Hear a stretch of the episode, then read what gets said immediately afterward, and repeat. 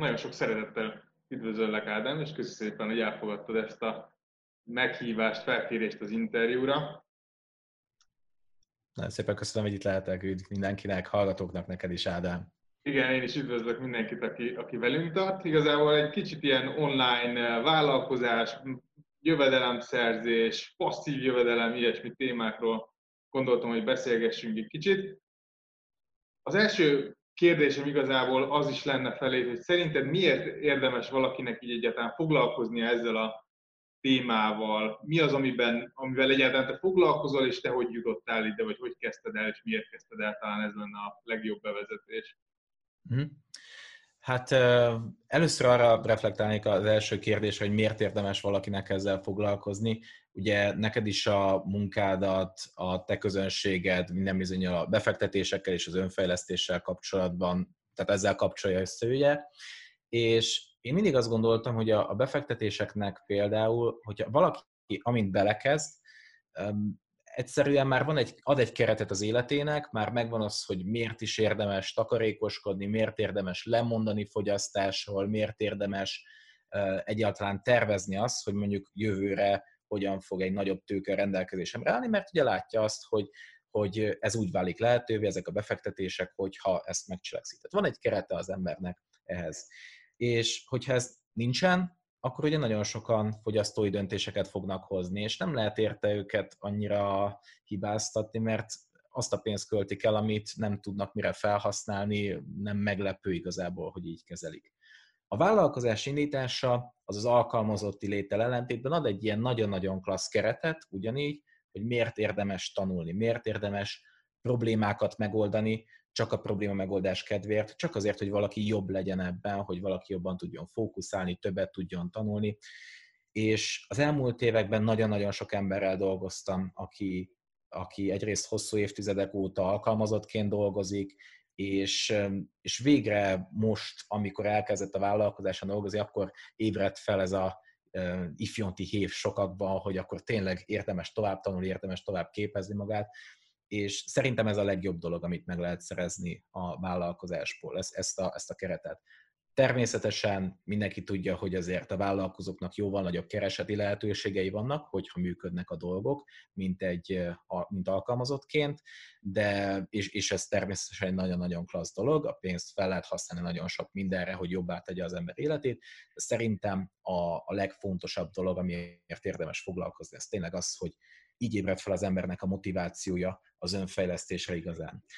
Ugye nekem is eredetileg a vállalkozásom, a Tacit egy önfejlesztő vállalkozás volt, tehát ezt elindítottam négy és fél éve,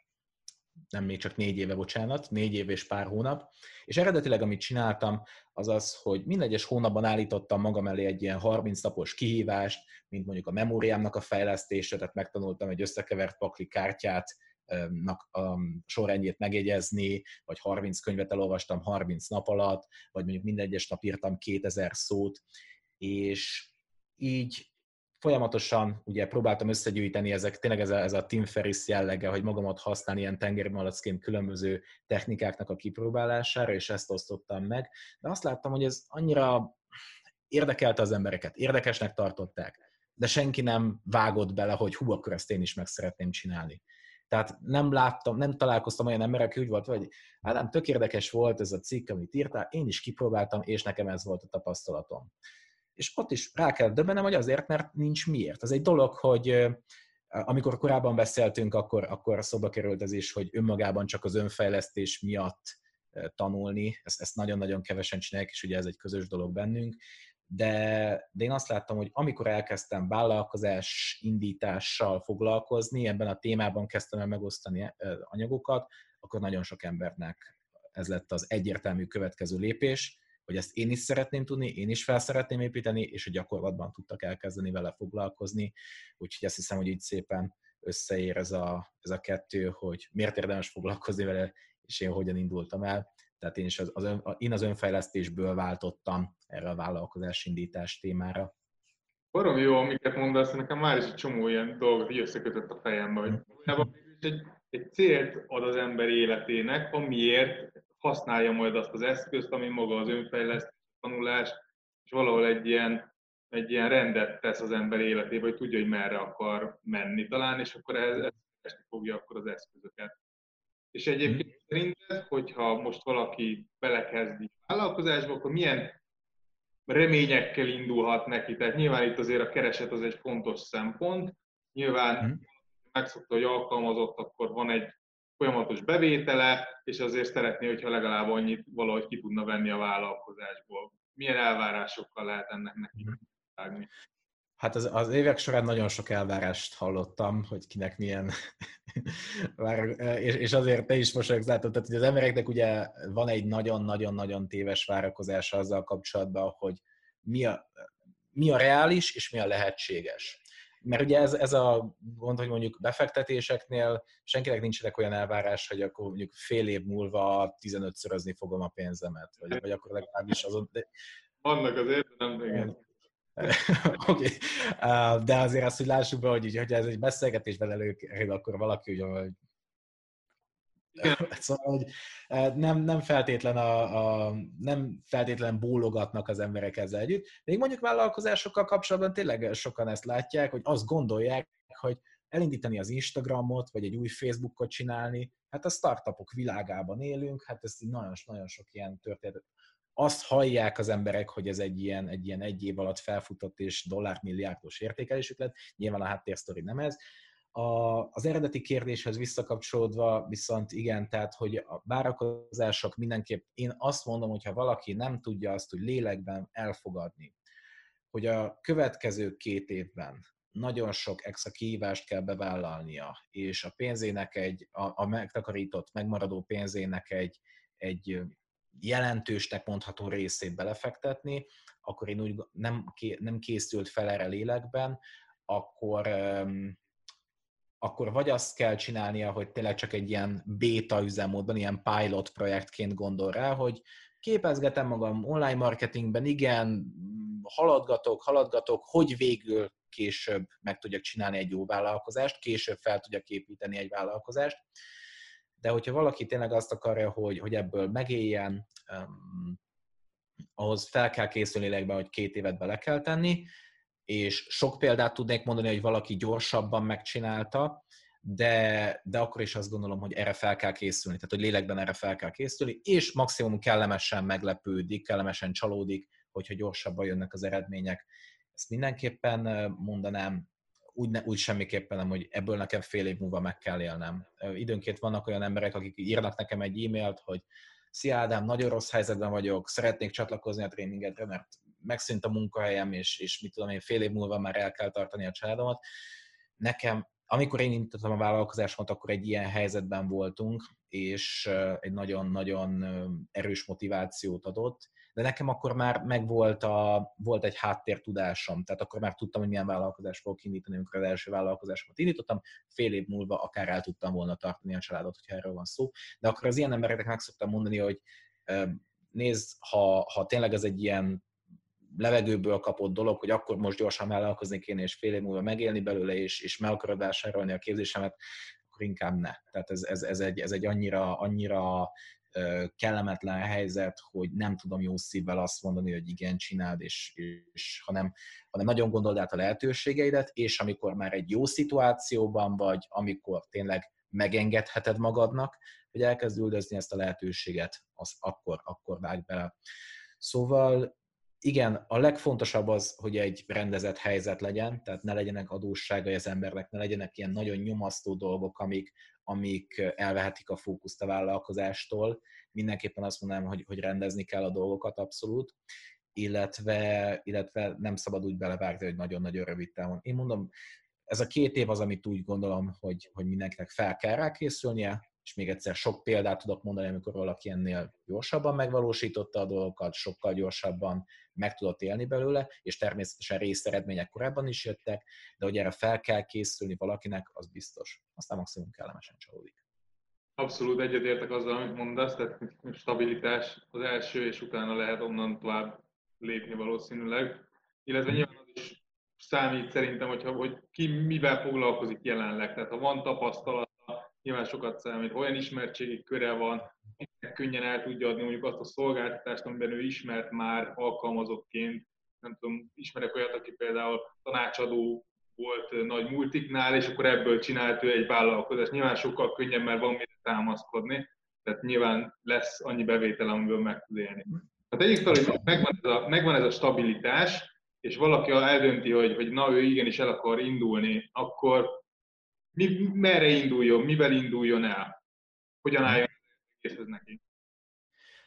Van sok eset, amikor van egy ilyen kézenfekvő dolog, ahogy te is mondtad például, hogy valaki már egyébként betöltött húzamosabb ideig egy bizonyos pozíciót, megfizették érte, más vállalkozások, csak ezt egy alkalmazotti kereteken belül csinálta. Van nagyon sok ilyen szabadúszó jellegű alkalmazotti munkahely, ahol az embernek nagy felelősséget kell vállalni a saját munkakörének az ellátásért. Ott ugye vannak kézenfekvő lehetőségek. Én úgy gondolom, hogy egy hogyha valaki hosszú ideje értékesítőként dolgozik, és sikeresen csinálja, annyira kézenfekvő dolog elkezdeni egy értékesítési tréner vállalkozást. Én általában nem tudom azt feltételezni, tehát nem szoktam feltételezni azt, hogy valaki már rendelkezik egy különös, különösebb szaktudással, de egyértelműen azok az emberek, akik úgy jönnek hozzám, hogy szia Ádám, nekem van ez a tudásom, e köré kellene építeni egy vállalkozást, ott nagyon, nagyon egyszerűen szoktak menni a dolgok. Tehát én általában azokat a történeteket már meg sem szoktam osztani ilyen sikersztoriként, mert úgy érzem, hogy a másik fél megcsinálta a munkának egyébként a, a 70%-át. Oké, okay, hogy az eredményeknek a, a döntő többsége azután következik be, hogy, hogy elkezdett velem dolgozni, de, de nem, nem, nem érzem úgy, hogy ezt tehát sokkal könnyebb dolgunk van akkor, amikor valaki így érkezik. És, és sok ilyen lehetőség van nyilván minden egyes nézőnek, vagy minden egyes embernek,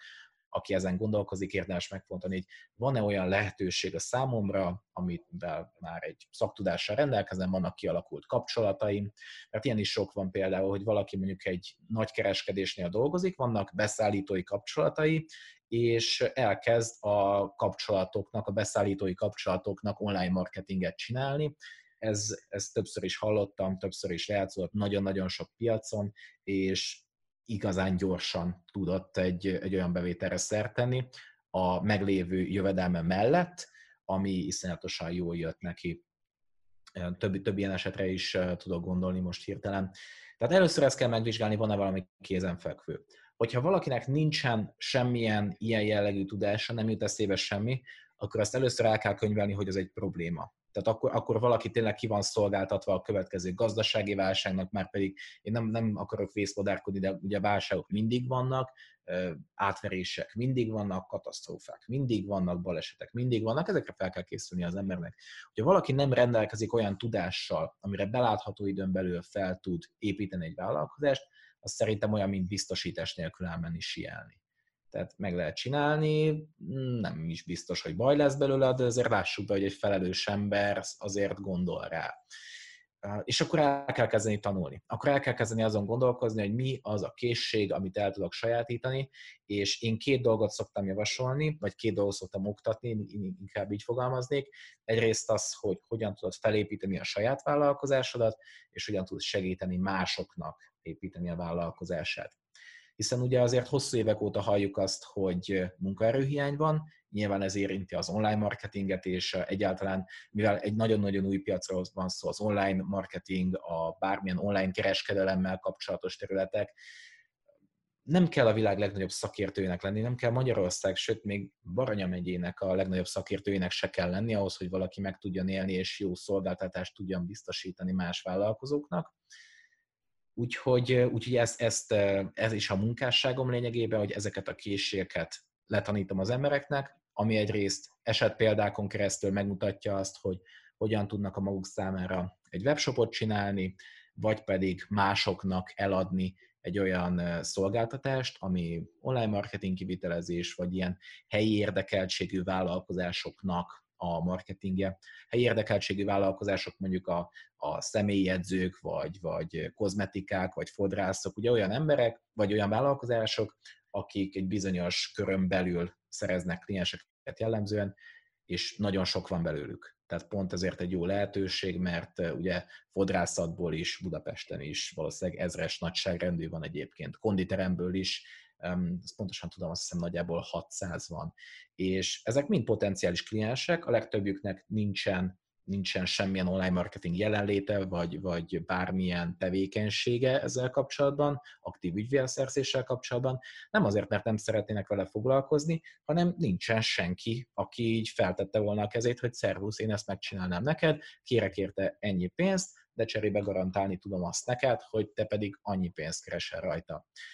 Úgyhogy, úgyhogy ez az, amit, amit szoktunk csinálni, és így tényleg olyan emberek, akik abszolút semmi közük nincsen a vállalkozásokhoz, nem ismerik ezeket az eszközöket, ők, ők is három-négy hónap alatt olyan tudásra szertennek, tesznek, ami, ami nem azt mondom, hogy világklasszissá teszi őket, de abszolút kompetensek, olyan, olyan vállalkozást tudnak építeni, ami minden bizony a hosszú évek óta működő vállalkozás. Kettőt egymás mellé teszed, azt mondod, hogy hm, ez a három, aki három-négy hónapja kezdett, ő, ő egyértelműen fel tudja venni a versenyt ezzel, bizonyos esetekben pedig még akár azt is mondja egy külső szemlélő, hogy ez az oldal lényegesen jobb. Tök jó, amit mondasz egyébként, és szerintem ebben egy tök nagy lehetőség van, ami mellett így szerintem sokan elsiklanak. Én dolgoztam ugye az online katapultnál, hm. és én is alkalmazottként dolgoztam, illetve, és én is, nekem is ugyanez volt, hogy tehát egyrészt, hogy kiléptem vállalkozóként, jelentősen megnőtt egy idő után a fizetésem, másrészt volt egy, van egy ismerősöm, aki pedig egyébként szintén online marketingesként dolgozott, egy szakmában dolgoztunk, és azt hiszem a te tananyagodat meg is vette, meg is nézte, egy webshopot akart építeni, és nem sokkal rá ő, ő is felmondott az állásában, és vállalkozóként nagyjából az ötszörösét kezdte el megkeresni, úgyhogy volt előzetes tudása egyébként, tehát ott azért a tudás megvolt, de, de érdekes, hogy, hogy mégis mennyivel, mennyi, mekkorát nőtt a bevétele. Gyakorlatilag ugyanazt kezdte amit te is mondasz, hogy is más vállalkozóknak, gyakorlatilag weboldalakat csinál, meg ilyen különböző marketing rendszereket, amit egyébként mondom, hogy tényleg ez a négy-öt hónap alatt nem azt mondom, hogy nagyon-nagyon profi szinten, de annyira, hogy azzal egy kellemes fizetést meg lehessen keresni katás vállalkozóként, szerintem föl lehet húzni magunkat, vagy föl lehet hmm. magát az ember, utána el tud kezdeni egyrészt a tapasztalatot szerez, és utána a saját vállalkozását, hogyha mást akar csinálni, akkor is egy csomó mindenbe bele tud vágni. Tehát szerintem ez egy tök jó ilyen készség, ami nagyon könnyen eladható, és azért is hoztam föl, mert ő például marketingre, és nem csak egy ilyen ismerősöm van, hanem több, és mindegyikől azt hallom, hogy költenek marketingre, nem költenek hirdetésre, hanem Facebook csoportokban megválaszolják a felmerülő kérdéseket, és akinek ilyen mélyebb segítség kell, azoknak meg mondják, hogy akkor vegyék fel velük kapcsolatot, és ez az ügyfélszerzési stratégia gyakorlatilag. Az akkora igény van rá, hogy nem arról van szó, hogy hirdetek, és akkor hát, ha valaki megkér, hanem gyakorlatilag alig találsz embert, aki megcsinálja. Igen. Akivel hosszú távon együtt tudsz dolgozni, úgyhogy abszolút egy,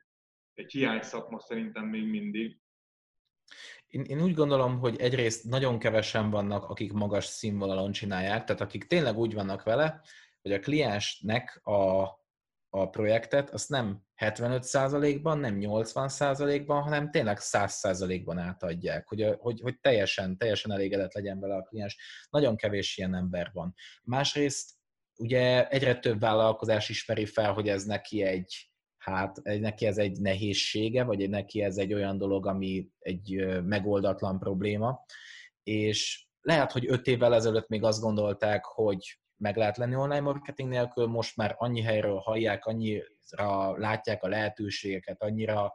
annyira mm, lehetővé vált az is, hogy kész megoldásokat kapjanak készhez,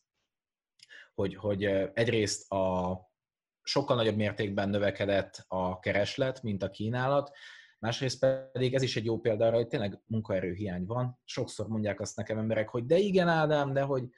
mi van akkor, hogyha én mindent nagyon igényesen megcsinálok, mindent nagyon igényesen megtanulok, és nem lesznek kliensek. Akkor én hiába fektettem bele ezt az időt, energiát és pénzt, és csak nézek, hogy ez, ez nem egy reális dolog. Tehát ez, ez, ha, ha valaki jól dolgozik, és, és nem azt akarom mondani, tehát inkább az, hogy azt mondom, hogy igényesen dolgozik, nem az, hogy fantasztikus, világrengető dolgokat csinál, csak tényleg igényesen megcsinál azt, amit vállal, annak az embernek bőven lesz munkája. Tehát rövid időn belül az lesz a problémája, hogy annyi kliensem van, hogy én is jelen pillanatban ebben a helyzetben vagyok, hogy, hogy őszintén most már sok, em, tehát hogy limitálom azt, hogy mennyi embert engedek be a tréningemre, mert tudom, hogy mennyi energia nekik szállítani a, a, az eredményeket, megválaszolni minden kérdést, tehát nem is próbálom,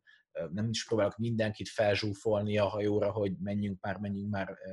hanem, hanem tényleg az, hogy próbálom azokat az embereket keresni, akik, akikkel tényleg együtt lehet dolgozni. És szerintem jelen pillanatban, hogyha valaki, mondjuk az online marketing példánál maradunk, valószínűleg az első hónapokban nehézséget okoz, hogy hogy lesznek klienseim, aztán elkezdenek jönni az első kliensek minden bizonyal egy kicsit ilyen diszkontáltabb, nyomottabb áron, tehát ilyen baráti áron, akkor egy idő után már kicsit úgy lesz vele az ember, hogy így megyünk szépen végig a fázisokon, hogy hát azért igazából jó ez az extra bevétel, de egy kicsit sokat kell dolgozni, jobb lenne egy kicsit kevesebbet dolgozni, hogy az órabérem növekedjen, akkor rájön, hogy igazából, amit korábban elkészítettem, az az én szellemi termékem, az megvan, az már nálam van, én azt újra fel tudom használni. Hogyha mondjuk valaki egy,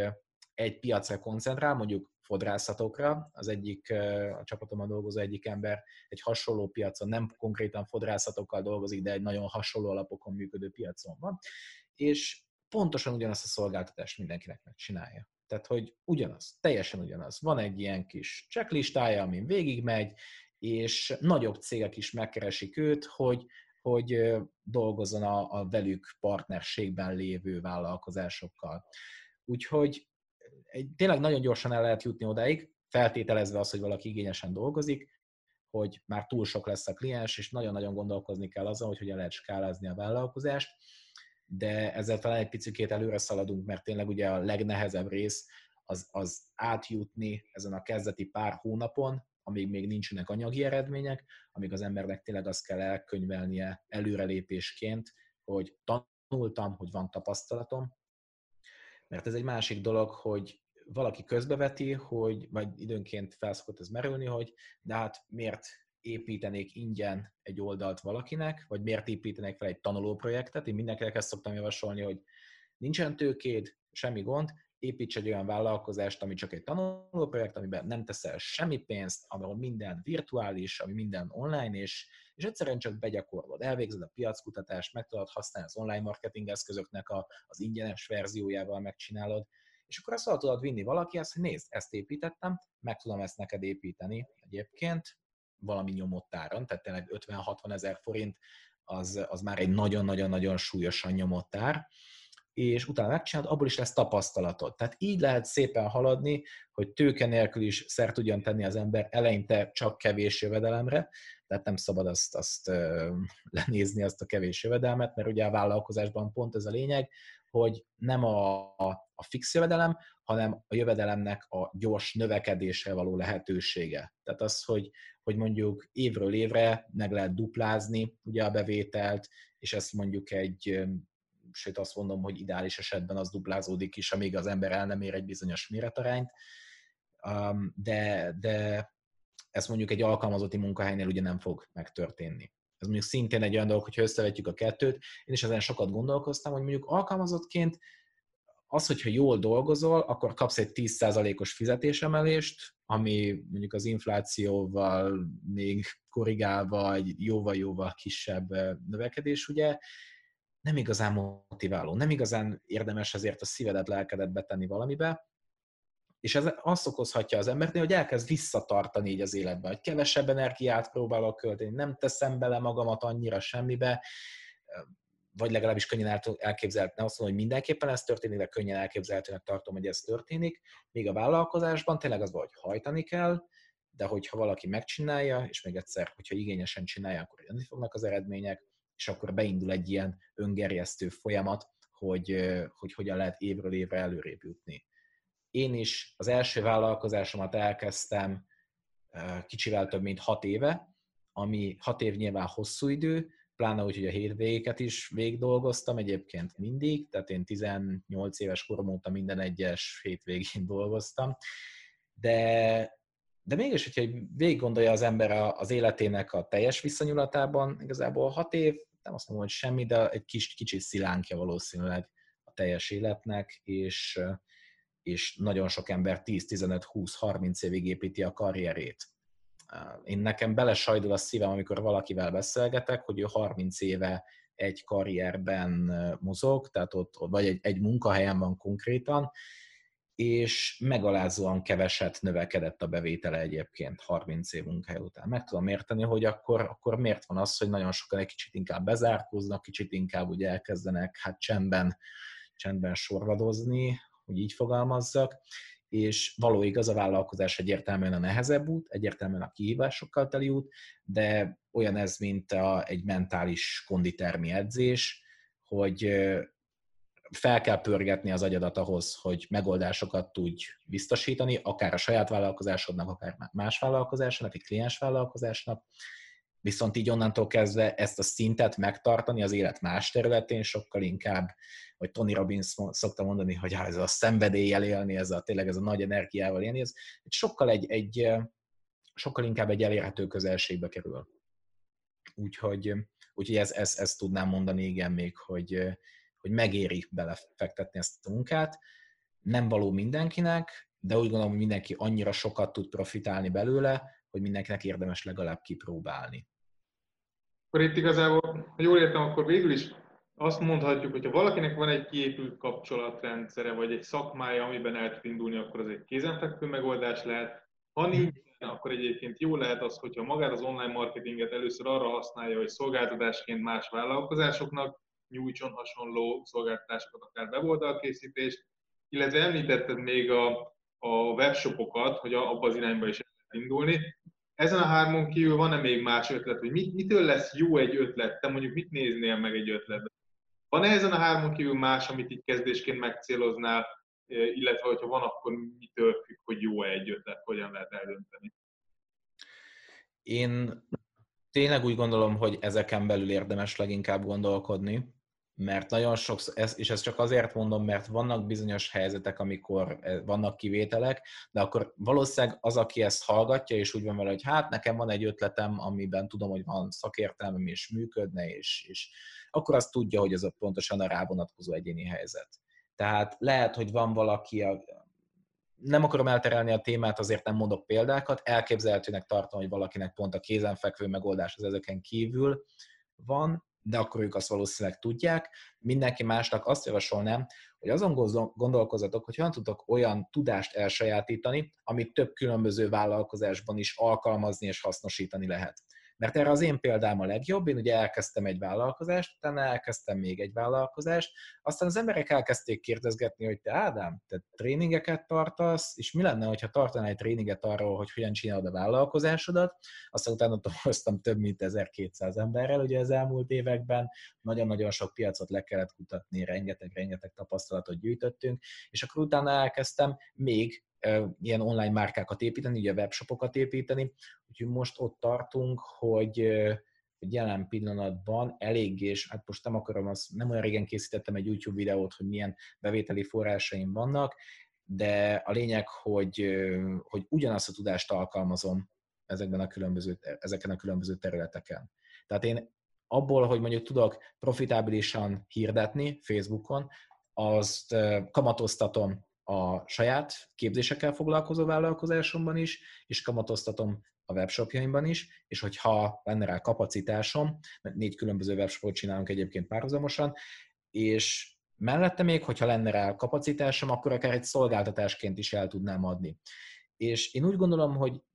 nyilván megint nekem ez egy késői fázis a, a vállalkozói életemben, tehát azért nyilván eltelt hat év menet közben, nem lehet azt mondani, hogy ezt így meg tudom tanítani bárkinek, és csak, mit tudom én, 100 ezer forint plusz száfába kerül, hogy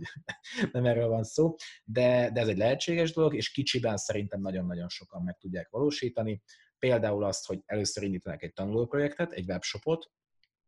és abból megtanulják a weboldalkészítést. Tehát élezzük fel, hogy mondjuk a, a, a szereplő ember egy pályakezdő diák nincsen jövedelme, vagy nagyon-nagyon kicsi kereseti lehetőségei vannak, befektetni nem tud semmibe, mert nyilvánvalóan ahhoz tőkére van szükség, elkezdeni dolgozni alkalmazottként nem tud, mert vagy megalázóan alacsony fizetéseket kap, vagy pedig nagyon sok tapasztalatot várnak el tőle, mit tud csinálni. A kézenfekvő dolog az ez, hogy csináljon egy tanulóprojektet, akár ingyenes eszközökkel össze lehet rakni online, és tényleg csinálj meg igényesen. Tehát ami, ami tanuló projekten gondolkozik, azt azt, azt ismeri ki a piacot, értse meg, hogy a karkötőket szeretne árulni, tehát egy olyan webshopot szeretne, ahol a karkötőket árul, ismeri ki az egész piacot, legyenek ott előtte, írjon egy ilyen szakdolgozatszerű esettanulmányt, én ezt szoktam javasolni. Sajnos sokkal kevesebben csinálják meg, mint én azt szeretném. Ez is egy jó példa arra, hogy jávon mondom én azt, hogy sőt, egy, egy webináron egyszer nyilvánosan felajánlottam, hogyha valaki nagyjából ilyen 10-12 piacot felsoroltam, és azt mondta, hogy ha valaki készít nekem egy ilyen szakdolgozat színvonalú dolgot ezeknek a piacoknak a lekutatásából, akkor én azt megvásárolom tőle. Tehát ez neki egyrészt, ez nyilván az én közönségemnek ment ki olyan emberek, akik, akik követik a munkásságomat, merem azt feltételezni, hogy valamennyire tisztelik is a munkásságomat, meg egy kicsit talán felnézek rá, és azt mondtam, hogy megveszem tőlük, tehát van egy ilyen lehetőség pénzt is keresni, és, és velem személyes kontaktba kerülni. A mai napig senki nem jelentkezett egyelőre egyébként, de ez, ez egy olyan dolog, hogy jó lenne, hogyha megcsinálnák az emberek. De a lényegi lényeg, hogyha tanulóprojektként valaki ezt megcsinálja, akkor nagyon sokat tanul belőle, és nagyon sokat profitál belőle, utána azt a, azt a tudást fel tudja használni, 5-6 különböző módon tud még profitálni belőle. És ezt valamiért nem látom, hogy csinálnák. A webshop, azon belül milyen termékek azok, amik jól működhetnek szerinted? Hát termékekből mindig jönnek újak, tehát ez, ez egy, ilyen, egy ilyen trendként szokott megjelenni egyébként. Bizonyos dolgok kiaknázatlan lehetőségek, bizonyos dolgok csak akkor működnek, hogyha már hosszabb ideje márkát építünk köré, és mind a kettőt érdemes megfontolni. Tehát én azt mondom, hogy pont pár napja találkoztam itt egy kávézóban egy kanadai sráccal, csak előtte meg volt nyitva a Facebooknak a hirdetéskezelője, és én nem vettem észre, de neki is az volt egyébként. Ez egy egyszer csak így teljesen ilyen, ilyen, ilyen nagyon normális hangnemben, mint hogyha már egy órája beszélgettünk valahogy, és amúgy mit árulsz? És elkezdtünk beszélgetni, és egy olyan terméket forgalmaz, napi 3000 dollár értékben ad el ez árbevétel, de, de nagyon szép profittal dolgozik, napi 3000 dollár árbevételt csinál egy olyan termékkel, amit nagy márkák is forgalmaznak egyébként Magyarországon, tehát én is utána néztem, meg elkezdtem kombinálni rajta, hogy hú, ez érdekes, mert látom, hogy működik ez a termék. Tehát nagy márkák is forgalmazzák ezt a terméket, ők csináltak egy ilyen kis, kisebb márkát, sokkal kisebb márkát, csak ezt az egy terméket forgalmazzák, ez egy műszaki cikk egyébként, de nagy márkáknak ugye így a termék portfóliójában csak egy dolog, ők meg ráfókuszáltak erre az egy termékre, napi 3000 dollár értékben adnak el, kanadai, USA és Ausztrál piacon, tehát azért nyilván ott azért bőven vannak lehetőségek. Ezt abszolút meg lehet csinálni, hogy egy fókuszáltabb mini márkát megcsinál valaki, amit egyébként nagy cégek is forgalmaznak a, olyan termékek, amiket ajándékba lehet adni. Hogyha webshopon gondolkozol, akkor az egy óriási szorzóként tud működni a vállalkozás ötleteden, hogyha olyan termék, van, olyan terméket forgalmazol, amit elképzelhető, hogy ajándékba adnak az emberek. Ugye nyilván közeledik a karácsony, mindenki tudja, hogy ilyenkor ajándékot kell vásárolni, és van egy ilyen, egy ilyen biztos fogyasztás lényegében. Valamennyit biztosan el lehet belőle adni, és ez mindig egy fantasztikusan klassz lehetőség. Ez két olyan dolog, amit, amit kiemelnék, amit én keresni szoktam, tehát hogy nagy márkák forgalmazzák-e, és én tudok én egy kicsit specifikusabb verziót csinálni belőle, vagy hogy ajándékba lehet adni, ezek mind-mind nagy mind-mind nagy plusz lehetőségek, és érdemes azt megvizsgálni, hogy kis márkák vannak-e amik ezen a, ezt a terméket sikeresen forgalmazzák. Ugye um, van egy csomó olyan termék, amit látod, hogy sokan, sokat adnak el belőle, például a kokáért kávé, mondjuk nagyon-nagyon sok embernek felkelti a figyelmét az, hogy saját kávémárkát indítsanak, saját pörkölésű kávét. És mi szokott lenni az indoklásuk, amikor megkérdezem, minden kliensemmel szoktam beszélgetni a vállalkozás ötletükről, mindig az, hogy hát én nagyon szeretem a kávét, a szenvedélyem a kávé, szívesen foglalkoznék a kávéval. És akkor ezt így tisztába kell tenni velük, hogy ez, ez nem indoklás, ez nem indoklás. Például nagyon sokan indokolják azt, hogy a, a kávé az nekik azért jó ötlet, mert ők szeretik a kávét, sok kávét isznak, a szenvedélyek szívesen foglalkoznak vele, és én csak mindig meg vagyok lepődve rajta, hogy, hogy ezt, ez nem egy, nem egy jó érvelés, nem érdemes ezért belevágni bármibe is, hanem azt kell nézni, hogy nekem, mint kisvállalkozó, vagy bocsánat, inkább mikrovállalkozó, vagy egyéni vállalkozó, megvan-e a lehetőségem, hogy olyan terméket kezdek árulni, ahol előnyöm van. Tehát amit, ahol jobb terméket tudok adni, ahol valamivel többet tudok biztosítani, és mondjuk a kávé esetében ez úgy néz ki, hogyha van mondjuk egy különleges pörkölési mód, a, a, ami, ami máshol nem érhető el, tehát ez ilyen nagy márkáknál nem érhető el. Például a kokáért van egy, az egyik kedvenc ilyen példám ezen a piacon, ez a Death Wish Coffee, tehát ez a Death Wish, ugye ez a, hát talán mindenki, azt hiszem, hogy magyar, magyarul nagyon nehéz átadni ez, de ez a legerősebb kávé, amit forgalmaznak. És kifejezetten így van a pozícionálva, ez a legerősebb, ennél erősebbet nem fogsz, csak a leg, legkeményebb, leg, a leghardcore kávéfogyasztóknak ajánlott, és ezzel egy hatalmas, kultikus követő bázisra tettek szert. Ez mondjuk egy nagyon jó pozícionálás, de nyilván van egy ilyen előfeltétele, hogy egyrészt valaki felismerje, hogy ezzel a marketing üzenettel lehet érvényesülni, másrészt pedig, hogy meg legyen a lehetőség egy különlegesen erős pörkölésű kávére szerteni a, kez, a, a kezét, tehát hogy ezt be tudjon szerezni egy ilyet. Um, Úgyhogy, úgyhogy ez a, az egyik ilyen gyakori hiba egyébként az szokott lenni, hogy valaki mindenképp a szenvedélyével akar foglalkozni. Hogy engem nagyon érdekel ez a termék, el tudom képzelni magam, ahogy ezt a terméket készletezgetem, meg kiküldözgetem a kedves vásárlóinak, és ez nagyon-nagyon fontos, hogy az embernek ne legyenek illúziói ezzel kapcsolatban. Az egyes számú dolog, amit nézni kell a termékben, hogy lehet-e jó vállalkozást építeni rá, megveszik-e ezt az emberek hozzám hasonló egyéni vállalkozóktól és egy másik példa ezzel kapcsolatban a, az egyik márkám a D-Design tervező, ami egy ilyen határidőnaplóhoz hasonló termék, de dátumozatlan, és csak 90 napra szól, és sokkal inkább ez a szokásformálás és célok elérésére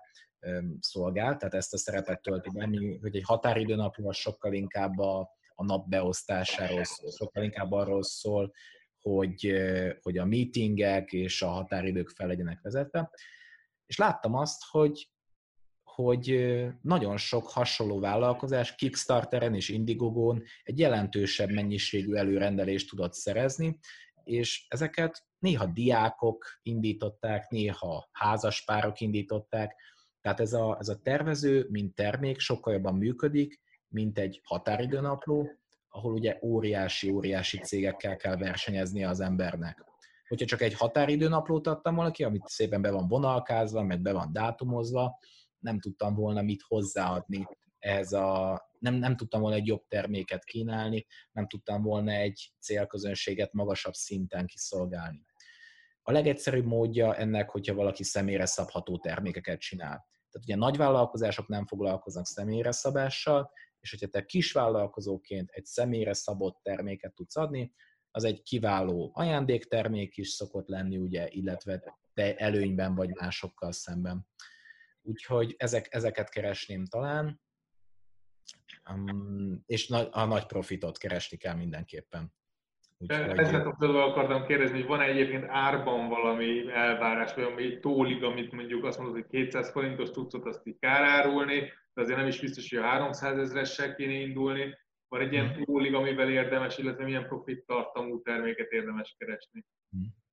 Én az 50%-ot abszolút minimumnak tartom. Tehát, hogy nagyon, nagyon sokan azt rontják el, hogy elkezdek egy olyan terméket forgalmazni, amin csak 15-20% profit van. Az nem lesz elég. Az egy nagy kereskedőnek valaki, aki nagy volument mozgat, annak elég lesz. Neked, mint egyéni vállalkozónak biztos, hogy nem lesz elég. Tehát azt kell nézni, hogy legalább a beszerzési árnak a duplájáért el tudod-e adni a terméket,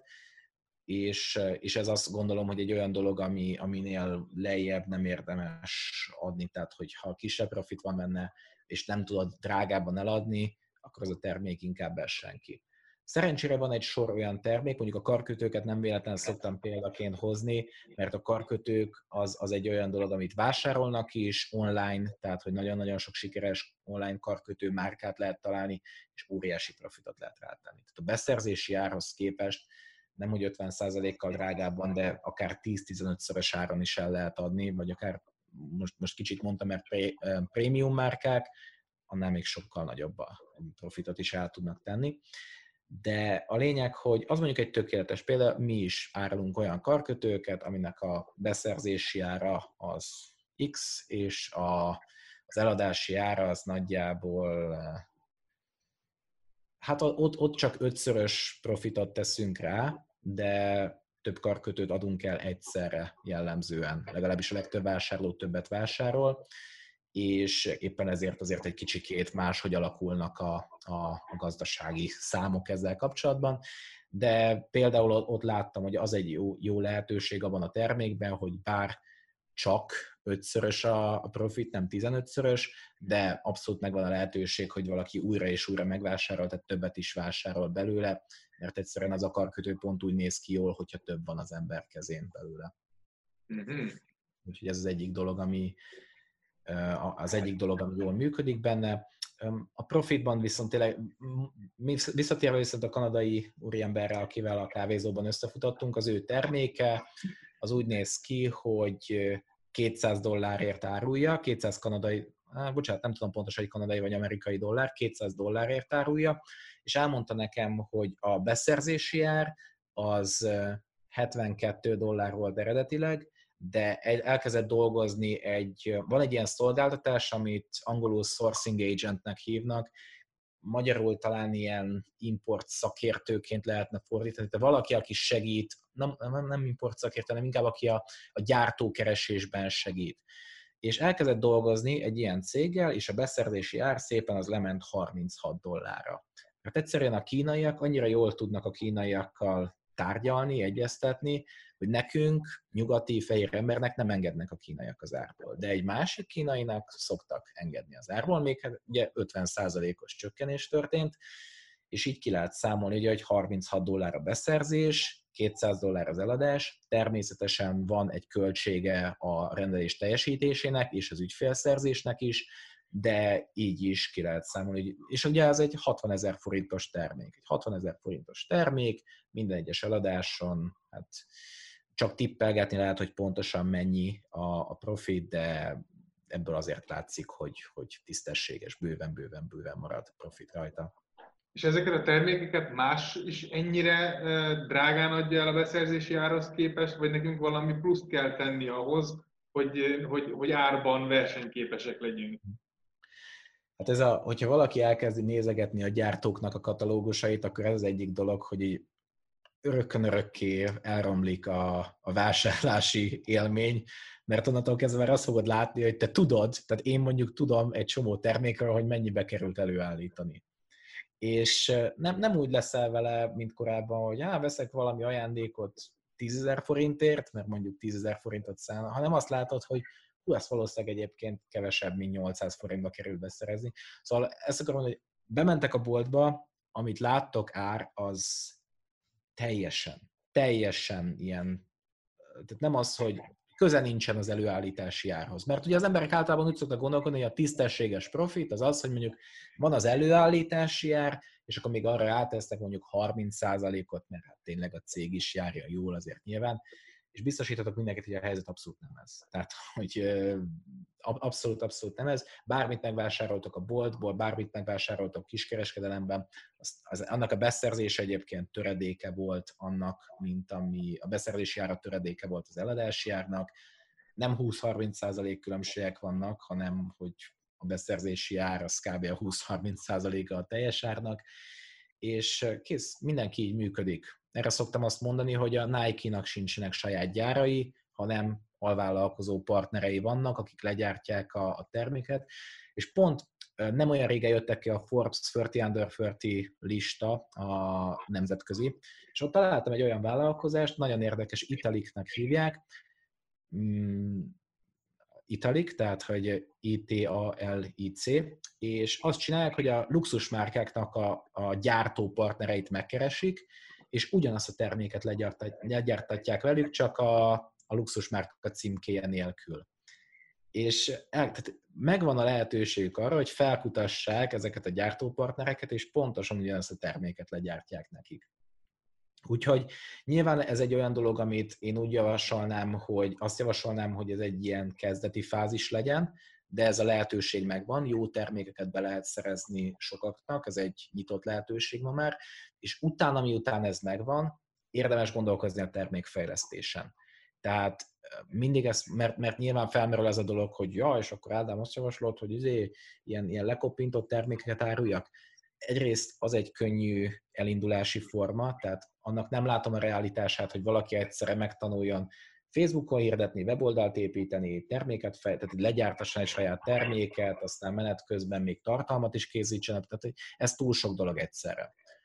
Az, hogy megvannak ezek a termékek, és könnyen beszerezhetőek a kínai gyártóktól, az, az úgy gondolom, hogy egy nagyon jó lehetőség, amivel meg tudja tanulni az ember az alapokat, és utána természetesen tud saját terméket fejleszteni akár, mint ahogy nekem is egyébként ugye a, a korábban említett tervező, az például egy teljesen egyedi termék. A, ezen kívül vannak, vannak még olyan ter, van még egy olyan termékünk, amit most kerül majd bevezetés alá, még így a karácsonyi szezon alatt, szintén egy egyedi termék. Tehát egy olyan dolog, amiben nagyon-nagyon komoly termékfejlesztés zajlott le, de mindenkinek meg kell találni azt, hogy mire van lehetősége. A legtöbb embernek nincsen lehetősége egy teljesen egyedi terméket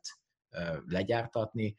nekik tökéletes megoldás az, hogyha elindulnak először a vállalkozói pályák elején egy olyan termék, ami már bizonyított.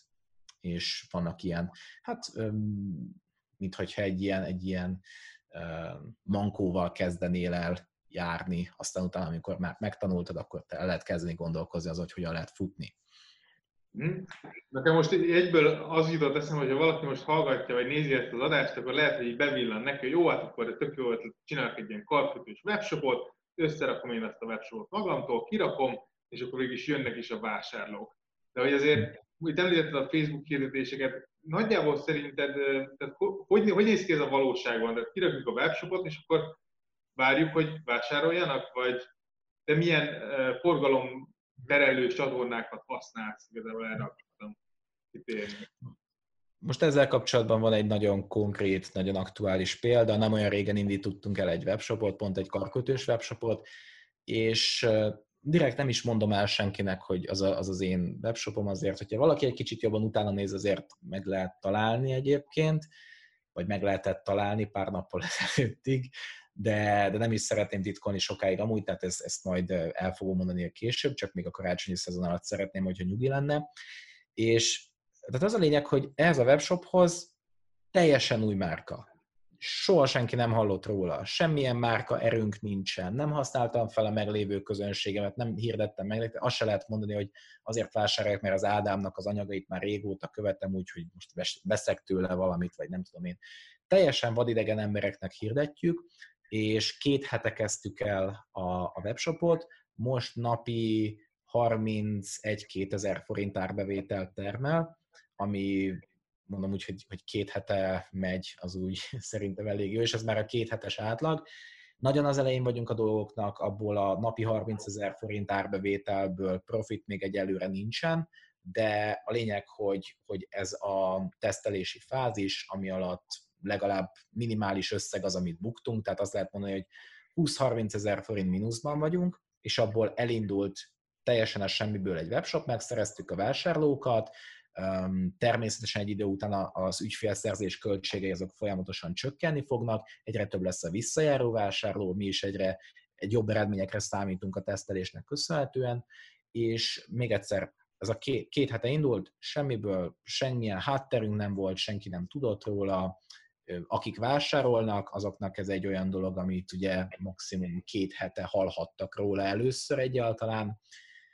és ez mondjuk egy, egy gondolom, hogy egy teljesen reális dolog, de azt is hozzá kell tenni ugye, hogy nyilván én azért már egy, egy háttértapasztalattal rendelkezem, tehát nem gondolom azt, hogy bárkinek ilyen eredményekre kellene számítani, nem gondolom azt, hogy bárkinek ilyen elvárásai lehetnének, hogy a, az indulás után két héttel már ugye átlagolva legyen egy ilyen napi 30 ezer. Azért is mondom ez az átlagolás, mert az elmúlt két nap, tegnap és tegnap előtt ott már 60 ezer forint jött be naponta és ez, de nem szeretem, ez, ezek nyilván kiugró eredmények, tehát ezt még nem lehet azt mondani, hogy ez biztos, hogy így lesz a jövőben is, hogy inkább átlagolni szoktam. És hogyha kiszámoljuk, akkor egyébként akkor ez már egy havi 1 millió forintot tehát hogy úgy, úgy állnak a dolgok, hogy mire egy hónapos lesz a webshop, addigra egy millió forint árbevételt be fog hozni, már az első hónapjában, nyilván a karácsonyi szezon is hozzájárul ehhez, de, de ez abszolút van realitás ennek Magyarországon is. Sokan kételkednek benne, hogy az emberek nem vásárolnak online. Hát én nem tudom, hogy veletek hogy van, tőlem vásárolnak online, tehát hogy, hogy nem, nem csak az Extreme Digital-tól, meg nem csak a, az EMAG-tól, hanem vannak különálló e, mikromárkák, kisebb márkák, és az embereknek megvan a bizalma felé, hogy feladjanak egy rendelést ott, sőt, nekünk megvannak a lehetőségeink arra, hogy kiválóan teljesítsük is azokat a rendeléseket, tehát szerencsére nagyon jó visszajelzéseket is kapunk menet közben. Facebook hirdetésekkel csinálják csak is és kizárólag. Ezt most kifejezetten szerettem volna nagyon egyszerűen hagyni ezt a vállalkozást, hogy, hogy csak Facebook alapján legyen, tehát ne keveredjenek az eredmények, csak a Facebook hirdetésekre koncentrálunk, és úgy be tudjuk hozni ezt a, ezt a, ezt a forgalmat. Viszont még egyszer, vagy bocsánat, inkább úgy fogalmaznék, hogy ez termékenként eltérő lehet. Vannak olyan termékek, amire kifejezetten rákeresnek az emberek, a karkötőkkel kapcsolatban ott, ott inkább az szokott lenni, hogy a, a közösségi média böngészése közben feljön egy kép, és az emberek úgy vannak vele, hogy ez nekem tetszik, és úgy vásárolják meg. Szóval a megfelelő termékhez a megfelelő eszközt kell választani, de a Google és a Facebook ezt tökéletesen lefedi. Még esetleg influencer marketinggel meg szoktuk egy kicsit fűszerezni a dolgot, de az inkább azért, hogy legyen tartalom, tehát hogy legyenek képek, amiket készítnek az influencerek, azt pedig fel tudjuk használni közösségi médián és Facebook hirdetés képekhez is. És a vásárlás egy ilyen Facebook hirdetési panelen keresztül, tehát rákattint a Facebook hirdetésre, megérkezik a termékoldalra érkezik? Tehát ott, már rögtön a termékoldalra viszed? És kategória oldalra. Tehát ebben az esetben teljesen jó megoldás bizonyos termékeknél, hogy a, a termék oldalra megy. A mi esetünkben egy kategória oldalra szokott menni jellemzően, de hamarosan elkezdjük majd azt is tesztelni, hogy, hogy rögtön a termék oldalra mennek az emberek. Mind a kettő jó megoldás bizonyos helyzetben. Mi most egyelőre a, a kategória oldalra visszük az embereket, ott látják listázva az összes terméket, és onnan tudnak tovább haladni a, amelyeket akkor ha jól értem, akkor nagyjából a Facebook hirdetés az valami influencerrel egy ilyen, mint egy, tehát hogy elülteted a gondolatot, hogy ezek a karkötők mondjuk milyen divatosak, és az a koncepció mögötte, hogy ráviszed egy kategória oldalra, hogy válassza ki, hogy neki igazából melyik tetszik, és nem tehát magát a kar, ennek a gondolom van egy egyedi pozicionálás ennek a karkötőnek, ennek a gondolatát, a pozicionálás gondolatát adod át valamilyen szexi hirdetés formájában, és a, a kategória oldalról ő kiválasztja és akkor Igen. itt nyilván egy csomó ember azért lemorzsolódik. Van-e mhm. tovább lépés onnantól, hogy hogyan próbáljátok a lemorzsolódókat esetleg visszahozni? Erre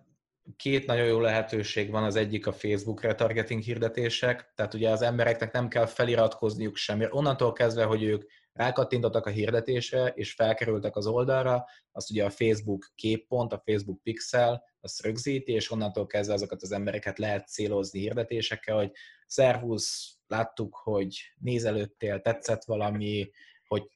nem szoktuk ezt csinálni még, csak a Black Friday alatt egy rövid ideig, hogy, hogy most esetleg meg tudod vásárolni még 20% kedvezménnyel, tehát ezzel lehet olajozni a folyamatot. A másik lehetőség egy magyar, um, magyar szoftver, egy magyar um, fejlesztési marketingeszköz, amit Ricardnak hívnak, Redzart, tehát mhm. R-E-C-A-R-T,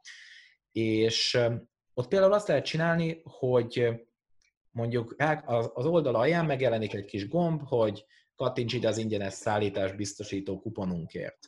Egyébként nekünk abszolút belefér az, hogy minden rendelést kiszállítunk ingyen, tehát hogy ez, ez, ez így úgy lett kiszámolva, hogy akár azt is mondhassuk az embereknek, hogy minden rendelést ingyen szállítunk.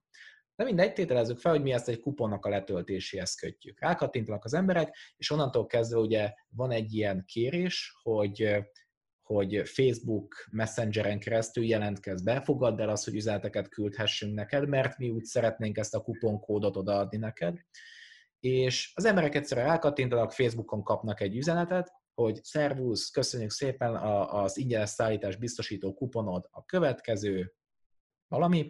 és miután, miután elmegy az oldalról, ugye nekünk van egy hozzáfér, van egy lehetőségünk üzeneteket küldeni neki egy bizonyos ideig. Tehát ki tudunk küldeni egy emlékeztetőt, hogy megint nem csak, nem csak hirdetés formájában, hanem konkrétan egy Facebook chat üzenetként lényegében, hogy, hogy szervusz, láttuk, hogy tetszett ez a termék, esetleg van valamilyen kérdésed a szállítással kapcsolatban, a termékkel kapcsolatban, hogyha igen, akkor, akkor vedd fel velünk a kapcsolatot, vagy itt van egy ilyen gyakran ismételt kérdések. Ugye általában nem úgy hozzák meg az emberek a vásárlási döntést, hogy felmennek egy oldalra, és azonnal be is fejezik a rendelést. Általában úgy szokott történni, hogy böngészgetnek, böngészgetnek, ó, ez érdekes, rákattintok, megnézem, hát jó, majd lehet, hogy megveszem. És akkor elmennek. Tehát az ügyfélszerzési stratégiának mindenképpen a része kell, hogy legyen, hogy hozom, hogyan hozom vissza azokat az embereket, akik egyszer böngészgették az oldalt, aztán tovább mennek. És azt mondom például, hogy én ezeket a dolgokat készen megtanítom a klienseimnek, éppen ezért, amikor ők oda mennek egy, egy szolgáltatóhoz, vagy másik webshophoz, akkor annak ellenére, hogy lényegében az én általam biztosított receptet követik, az én általam biztosított szövegeket másolják be, igazából senki más nem csinálja ezt. Tehát ők, ők most nem azt mondom, hogy rakétatudósnak tűnnek, de azt látják a kliensek is, hogy hé, itt van ez az ember, egy kézzel fogható dolgot tud biztosítani a számomra, amit érdekes módon mástól úgy néz ki, hogy nem kapok meg. Úgyhogy én itt tudok biztosítani még a klienseimnek egy, egy előnyt, hogy menet közben ugye mi is folyamatosan teszteljük ezeket, mi is folyamatosan foglalkozunk. Tehát nálunk egy 10 fős csapat ezzel foglalkozik, hogy különböző webshopokat működtetünk, különböző marketingeszközöket tesztelünk, különböző marketingeszközökhöz készítünk dokumentációkat, hogy ezt hogyan lehet felhasználni, és akkor tényleg a cél az, hogy egy, kettő, három, négy lépésekben ezt, ezt meg lehessen mutatni az embereknek, hogy ha valaki nem használta még soha, akkor is használni tudja, illetve természetesen a saját oldalainkon is felhasználjuk őket. Úgyhogy ez is egy nagyon jó példája annak, hogy ugyanabból a tudásból, mondjuk egy marketingeszköznek a használatából két területen is profitálok, ugye, mert a klienseimnek, akik természetesen fizetős kliensek, meg tudom mutatni ezt, és a saját webshopomon is fel tudom használni. Úgyhogy a, a visszatérve a kérdésre, a lényeg, hogy az embernek a stratégiájának a részévé kell azt tenni, hogy az emberek csak böngésznek, aztán elmennek. Hogyha valaki, nagyon sokszor látom ezt a klienseinél, ez sajnos egy gyakori hiba, csak azzal foglalkoznak, hogy hogyan jönnek az oldalra a látogatók. És kimarad az a része, hogy hogy jönnek vissza a látogatók, miután óhatatlanul elmentek, és éppen ezért nem, nem látnak eredményeket, mert lehet, hogy úgy vannak vele az emberek, hogy szép-szép ez a termék, majd valamikor megveszem, és a majd valamikor nyilván az soha napján kiskedden lesz, mert az interneten annyi minden érdekes dolog van, hogy, hogy ez így nem igazán, nem, nem, nincs annak meg a realitása, hogy valaki megjegyzi az oldalt, begépeli az oldalt újra, aztán visszamegy, aztán azt mondja, hogy na, gondolkoztam, végig gondoltam a pro-kontra érveket, és, és akkor most feladom a vásárlást. Ez nem, nem így történik. Szerinted egy ilyen webshopnál van-e értelme, illetve talán az lehet, hogy jobb kérdés, hogy milyen fázisban van értelme mondjuk tartalmat gyártani, akár itt a blogra gondolok, főleg Facebook meg YouTube-ra, ezekre, hogy kitérnél, hogy Kezdetben egyébként mondjuk fölösleges, mert megnézett, hogy egyáltalán működik-e meg tesztelet hirdetésből, de mondjuk a brandet akarsz építeni, akkor meg lehet, hogy például jó eszközök lehetnek. Te ezt hogyan látod? Én azt szoktam javasolni mindenkinek, hogy készítsenek egy nagy átfogó cikket, ami tényleg jól bemutatja azt, hogy mit kell tudni erről az adott terméktípusról nagyon sokan úgy vannak vele, hogy majd a bloggal eladom a terméket, hogy majd rendszeresen fog blogolni, hogy mostantól kezdve elindítok egy blogot, borzasztó. Te is tudod, hogy mennyi energia van abban, hogy, hogy te videókat, meg cikkeket készítesz. Én személy szerint nem is csinálom. Tehát én is nyilván nagyon-nagyon keményen dolgozom, de mondjuk én nem vállalnám be azt, hogy egy rendszeres frissítésű blogot csináljak. Inkább azt szoktam csinálni, hogy amikor promóciós időszak van, akkor sok tartalmat osztok meg, amikor meg nincs akkor meg egyszerűen nem, hanem csak hirdetem a már meglévő tartalmakat. És nem látom annak a realitását, hogy valaki egy, egy folyamatos frissítésű blogot tudna csinálni, pláne kezdő tartalomgyártóként, pláne úgy, hogy még csak most kezdje el ezt összeállítani. Ezért szoktam azt mondani nekik, hogy figyeljetek, állítsatok össze egy átfogó cikket, ami tényleg értékes, ami, amire érdemes rákattintani a, a vásárlóknak, az érdeklődőknek, amiért érdemes azt mondani, hogy na, ez, ez, ez egy olyan igényességgel összeállított cikk, ami, ami hozzáad valamit, ami új szinten magyarázza el a dolgokat, és, és abba fektessetek bele mondjuk egy hetet, és utána azt tudjátok használni hirdetésekhez, azt tudjátok használni e-mailben, azt tudjátok használni retargeting hirdetésként, tehát hogy még visszahozzátok az embereket, akik érdeklődtek egyébként a termék felé, akár szolgáltatásról, akár tanácsadásról, akár webshopról van szó, tehát mindegyik esetben fel lehet használni, és, és, és inkább az legyen, mert önmagában a tartalomgyártás az nagyon-nagyon-nagyon el tudja vinni a fókuszt és általában olyan emberekkel dolgozom, akik van családjuk, van munkahelyük, vannak tanulmányaik. Persze nagyon jó lenne az, hogyha tudnának csinálni folyamatos frissítésű blogot, csak, csak nem valószínű, hogy ez megvalósul. Tartalomkészítésre tényleg azt mondanám, érdemes egy hetet rászánni egy vagy kettő nagyon magas színvonalon összerakott cikknek az elkészítésére, és annak elégnek kell lennie ahhoz, hogy áthidalja ezt a kezdeti időszakot, amikor még a vásárló bizonytalan. Tehát két darab cikknek elég, tehát hogyha valaki, van egy egyszerű fizikai termék, és valakinek két cikknél többre van szüksége, tehát neki egy rendszeres frissítési blogra van szüksége, hogy, hogy befejezze a vásárlást, ott, ott, ott már nagyon-nagyon-nagyon sokkal nagyobb bajok vannak egyébként. Tehát, hogy, hogy, hogy nem. Egy-két cikknek de igényesen megírt cikkeknek, tehát nem ilyen sablon dolog, hanem, hanem tényleg akkor abban menjen bele a munka, ezt szoktam javasolni, és jól működik szerencsére.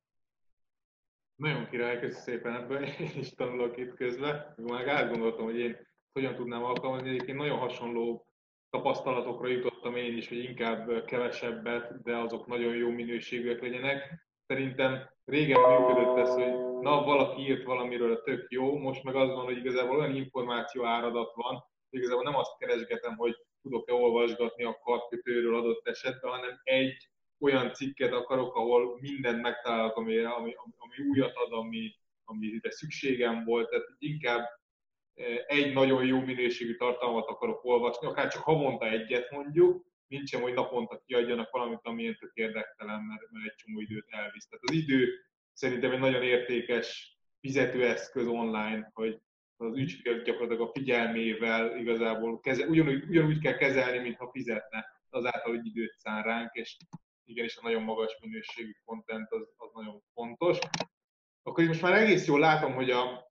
hogy a rendszert hogyan építed, meg hogyan gondolkozol. Mit csinálsz azokkal, akik, akik vásárolnak, aki mondjuk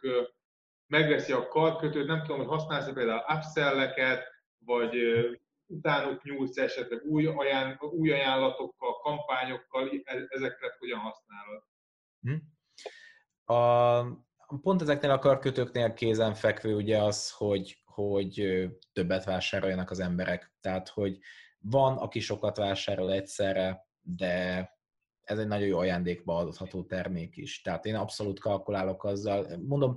azért nem érdekel annyira, hogy jelen pillanatban hoznak-e profitot a hirdetések, mert tudom, hogy ez szépen úgy fog felépülni egyébként, hogy a kezdeti vásárlók azok, azok be, tehát valamennyi árbevétel rajtuk keletkezik, de utána ők bizonyos mennyiségű terméket ajándékba fognak adni. Aztán az ajándékozott lehet, hogy úgy van vele, hogy hó, én ebből szeretnék többet ő is. Egy idő után kialakul ez a gondolat, hogy ez egy jó ajándéktermék. Hogyha ajándékot szeretnék vásárolni, ez egy jó lehetőség. Az egyik nagyon jó barátom egyedi pólókat árul, ő az egyik legnagyobb webshop, egyedi pólókkal foglalkozó webshopnak a tulajdonosa, és ő is abszolút már egy évre előre meg tudja tervezni, vannak nagy promóciós időszakok, nagy ajándékozási időszakok, anyák napja, apák napja, karácsony nyilván az óriási, tehát akkor iszonyatos mennyiségű forgalmat visznek, Valentin nap, tehát az ilyen páros ajándékok, és akkor előre fel tud készülni, előre, előre átgondolja azt, hogy hogyan érem el a korábbi vásárlókat, milyen a filmbemutatók licensz, licenszelt egy több terméknek a, a jogát, hogy lehessen ő tudjan pólókat nyomtatni ezzel a licenszel, és mondjuk, hogyha kijön egy új Star Wars film, akkor ő már felépít arra egy kampányt. És a lényeg a lényeg, hogy én is abszolút látom azt, hogy tehát ennél a vállalkozásnál is abszolút egyértelműen látszik, hogy oké, okay, a karácsonyi időszakban el lehet adni sokat, utána minden egy kicsit vissza fognak esni a dolgok, de ezzel semmi probléma nincsen, mert utána meg lesz majd ugye Valentin nap, utána akkor lesz majd ballagási időszak, lesz majd lesz majd diplomaosztó időszak, lesz majd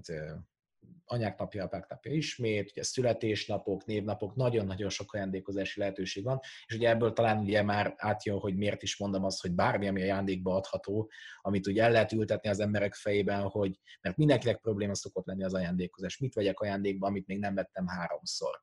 ajándékba, és, és ez mondjuk mindegyes ilyen dolog, ez egy, ez egy jó lehetőség. Úgyhogy ezzel számolni kell, hogy visszajönnek majd az emberek.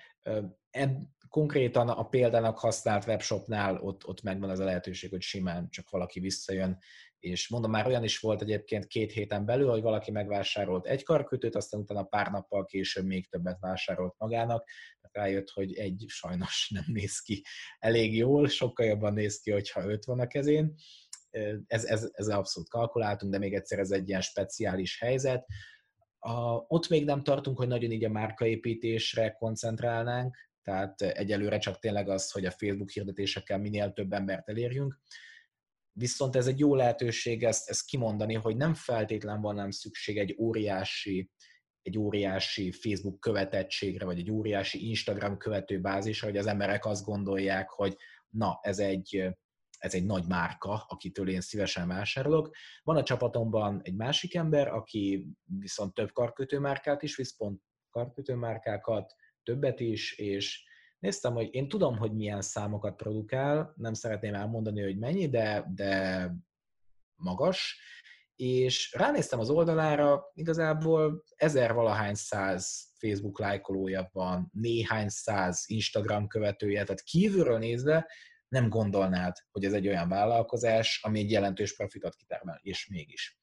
Úgyhogy abszolút el kell attól vonatkoztatni, hogy valaki olyan, olyan elvárásai vannak, hogy tőlem csak akkor fognak vásárolni, csak akkor lesznek visszatérő vásárlóim, hogyha van tízezer lájkolóm, és a Dukai Regina promózza a termékemet, és, és, és bármi, ezekre nincsen szükség. Jó, ne, nyilván jól jön, nyilván ez egy aspiráció lehet sokaknak, de, de nem kell az eladások produkálásához. És hát igen, az újravásárlás mindenképpen érdemes beépíteni a stratégiába, sőt, bele kell építeni. Vagy az, hogy fogjon el a termék, és kelljen újra vásárolni. Sok kozmetikum emiatt nagyon jó termék. A újravásárlás lehet még az, hogy ha szívesen ajánlják az emberek, tehát mondjuk egy ilyen érdeklődési körön belül, mondjuk van egy crossfites termék, valaki elkezdi használni, elmegy egy crossfit edzésre, és több ember elkezdi kérdezgetni, hogy hú, ez micsoda, hol vetted, mi ez, mire jó pontosan akkor az is már igazából egy jó újravásárló lehetőség. Nem ugyanaz az ember vásárolja meg a terméket, de végül is neked csak egyszer, egyszer kellett kifizetni az ügyfélszerzés költségét, itt ez, ez a lényeg. És, és még van egy újravásárlási lehetőség, ami hirtelen nem jut eszembe, de még, még lehet máshogy is rávenni az embereket arra, hogy, hogy vásároljanak újra. Ezt mindenképpen bele kell építeni, vagy pedig óriási profittal kell bírni. A kanadai srác, akit említettem, neki, neki nincsen semmilyen újravásárlásra való mm, stratégiája, mert annyira nagy profitot ér el egyetlen egy terméknek az eladásával is. Végül is itt akkor azt kell átgondolni nagyjából már az ötletnél, hogy igazából az emberek hogyan fogják használni a terméket. Szerintem ez egy több fontos gondolat, hogy a, ugye a, a, végül is a, a kozmetikumokat azért veszem újra, mert elfogy, akkor a, a karkötőt azért veszem újra, mert ajándékba adom, vagy mert én szeretném, hogy nekem több legyen. És akkor vannak azok a termékek, egyébként nekem a biztosítás volt ilyen, hogy, hogy nem köt az ember ugye minden évben, vagy öt évente köt valami, vagy autót se vesz az ember ugye minden évben, akkor ott viszont számolni kell azzal, hogy nagyon nehéz a, az újraértékesítés, és ezt bele kell számolni végül is a, a tervezésnél a, a profitba. És egyébként pedig fontos, hogy gyakorlatilag újra és újra vissza tudjuk hozni az ügyfeleket, hogyha olyan a termékünk. Az nagyon fontos egyébként, szerintem sokan nem tudják, hogy a, az autókereskedéseknek, a profitjának a, nem akarok butaságot mondani, 50 vagy 60 százaléka a szervizelésből származik, Tehát ugye a Tesla kivételével minden egyes márka úgy csinál dolgokat, hogy a gyárnak van egy profitja az autók eladásából, a kereskedőhálózat az egy külön cég, az ő profitjuk ugye nem az autóeladásból származik, az ilyen 10-15 százalék, ahogy utána néztem, ami infókat találtam, 10-15 százalék csak a, az értékesítésnek a profitja, 50-60 százalék a szervizelés, és ugye az egy visszajáró vásárló, a maradék pedig a pénzügyi szolgáltatásoknak az értékesítése, finanszírozás, leasing és a többi, ugye ezért. Az előbb majdnem, az előbb majdnem vízből mondtam, hogy a harmadik lehetőség az, hogy gyorsan menjen tönkre a termék, de, de annyira nem álltam messze a valóságtól. Ez nagyon fontos dolog, hogy ezzel tisztában kell lennie, amikor az ember autót vásárol, hogy ez a kereskedői hálózatot azt tartja el. Tehát nem lehet, nem, nem szabad, hogy illúziói legyenek az embernek, ez bele van, bele van kalkulálva a dologba. Ha mindenki csak az autóknak az eladásából élne kereskedőként, akkor ott az egy nagyon-nagyon szomorú, nagyon-nagyon szomorú iparág lenne. Ez fogyasztóként is meggondolandó, akkor hogy az autónak a vásárlási költségéhez mi adjuk hozzá a, a javítást. Igen. Ez egy olyan dolog, amiről beszéltünk ugye személyesen is, nekem ugye, én fenntartok egy autót, ami egy olyan ami egy olyan pénzügyekkel kapcsolatos hiba, amit úgy voltam vele, hogy hajlandó vagyok most elkövetni, de, de egyértelműen hibának tartom. Úgyhogy ezt mindenkinek mondom, hogyha az egyik, nagyon sok kliensem úgy ért el egyébként sikereket, hogy fogta magát, meghozott egy döntést, eladta az autóját, és az abból, megtak- az abból azért kapott pénzt, meg az úgy megtakarított pénzt fektette bele a vállalkozásába, és beletellett egy másfél évbe, mire, mire ezt tényleg úgy érezte, hogy na, ez, ez már egy nagyon-nagyon jó döntésé vált, de abból tudták beindítani a vállalkozásokat. Úgyhogy ez egy nehéz döntés lehet valószínűleg sokaknak, de szerintem egy abszolút helyes döntés hogyha valakinek megvan rá lehetőség, hogyha nincsen szüksége mindenféleképpen az autóra, akkor érdemes lemondani erről a kényelemről, és azt a tőkét már fel lehet használni például. Ú, ez egy baromi jó tipp. Köszönöm szépen. A, visszatérve még a, mondtad, hogy Facebook, meg Instagram követőket, lájkokat azért valamennyire nézitek, mert hogy legalábbis látjátok, nyilván, hogy van Facebook oldala, nyilván a hirdetéshez is kell egy Facebook oldal, de hmm. akkor, hogyha már van Facebook oldalad, meg hirdetsz, akkor azért azt gondolom, hogy nem néz ki túl jó, ha megnézem a Facebook oldalt, és nem tudom, három hónappal ezelőtt volt utoljára posztolva, tehát valamit azért csak illenek kitenni, ugye? Tehát, hogy milyen gyakran érdemes akkor végül is posztolni. Ezek szerint stratégiai jelentősége annyira nincsen, de azért mégis valami posztot azért ki kéne tenni. Milyen tartalommarketing stratégiát használtok ehhez? Hm. A, ebben az esetben, amit használunk, tartalommarketing stratégia, az csak is és kizárólag az influencereknek a posztjainak az újra megosztása. Tehát nem, is le, nem egyszerű egy karkötőhöz tartalmat készíteni. Most ugye itt vagyok Balin, hoztunk ki karkötőket, a csapatomnak pár tagja is itt volt, és amíg itt voltak, addig ugye itt a, készítgettek termékfotókat, lehetett, meg megkértünk uh, hölgyeket, hogy hadd próbáljuk rá a karkötőket a kezükre, és úgy fotózzuk le úgyhogy ez, ezek jó kis beszélgetések voltak, de a lényeg a lényeg, hogy nem szabad túl bonyolultá tenni a magad számára a tartalomkészítést. Én úgy gondolom, hogy szükség van arra, hogy az ember találjon egy módot, ahol egyszerűen tud korrekt minőségű tartalmat készíteni. A mi esetünkben ez annyit jelentett, hogy az influencerek képeit megosztjuk, hogyha valamilyen egzotikus helyre megyek, akkor ott szoktam készíteni fotókat, illetve mm, lehet úgy idézetes képeket készíteni, hogy vannak ezek a vannak ilyen szókirakó táblák, amik nem tudom, hogy tudod, hogy mire gondolok, de IKEA-ba, meg, meg Jüskbe, meg ilyenekben lehet, ilyen kis üzeneteket lehet összerakni betűkből, és akkor azt fel lehet használni arra, hogy mondjuk idézetes képeket úgy készítsen valaki, például, hogy még a karkötő is rajta van, és ezeket nagyon könnyű elkészíteni. Tehát, hogyha valaki tényleg olyan elvárásokat támaszt magával szemben, hogy nekem fotózásra van szükségem, modellel, meg, meg fotóssal, meg bérelt stúdióval, hát úgy baromi nehéz lesz, úgy, úgy tényleg azt mondom, hogy nagyon drága is, és nagyon nehéz is, és mert nem szokták az emberek figyelembe venni ennek a szervezési igényét. Kell találni egy olyan módot, ahol korrekt tartalmat tudsz készíteni, és közösségi médiára korrekt képeket tudsz csinálni, és nincsen annyira nagy szükséged arra, hogy tehát nem kell annyit, annyi energiát belefektetni. A másik dolog, amit mi csináltunk, hogy tehát dolgozunk együtt influencerekkel, az ő képeiket megosztjuk, és fel is használjuk hirdetésekhez, sőt, meg is kérjük őket, hogy hagyjanak egy visszajelzést a termékünkre, és így tudtuk beindítani, ugye ez egy óriási nehézség szokott lenni, hogy van egy webshop, és nincsen egy darab visszajelzése. És az embereknek ez egy ilyen nagyon nagy, nagyon nagy nehézséget okoz, hogy akkor most legyek, én leszek az első, aki megvásárolja ezt? Lehet, hogy nem is kéne, eddig senki nem vásárolta meg, én leszek egyedül, aki birtokolja ezt a dolgot. Mi csak annyit kértünk, vannak az influencerek, akik, akik ezt a terméket hát egy rendelést kellett feladniuk rá, és akkor utána kimegy egy ilyen visszajelzést kérő levél, szerencsére maguktól is nagyon-nagyon pozitív reakciókat küldtek, meg hogy, hogy mondjam igazából, egy karkötő ugye vagy tetszik, vagy nem hogyha nem tetszik neki, akkor nem fogadja el az együttműködést. Úgyhogy azért így eléggé, eléggé könnyű, vagy eléggé biztosá tettük azt, hogy csak pozitív visszajelzések fognak jönni, és ez, ez egy nagyon egyszerű dolog volt elintézni. Szó szerint csak kérni kellett. Így kaptunk közösségi média poszthoz tartalmat, hirdetésekhez tartalmat, és visszajelzéseket az oldalra.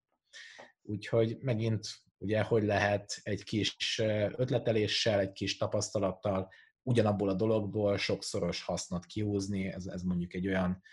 trükk vagy taktika, amit mindenkinek javasolnék, hogy használjátok fel. Az influencer marketing egyébként kb. csak erre jó. Tehát forgalomnak a behozására nem igazán, ezt, ezt, ezt újra és újra tapasztaljuk, hogy Magyarországon ez nem így működik, hogy valaki megoszt egy terméket, és akkor 15 ezre rákattintanak, és megnézik a terméket, és, és megvásárolják, tehát maga az a forgalom, az abból érkező forgalom, annak az értéke az elenyésző. Az igazán jó dolog az az, hogyha vannak,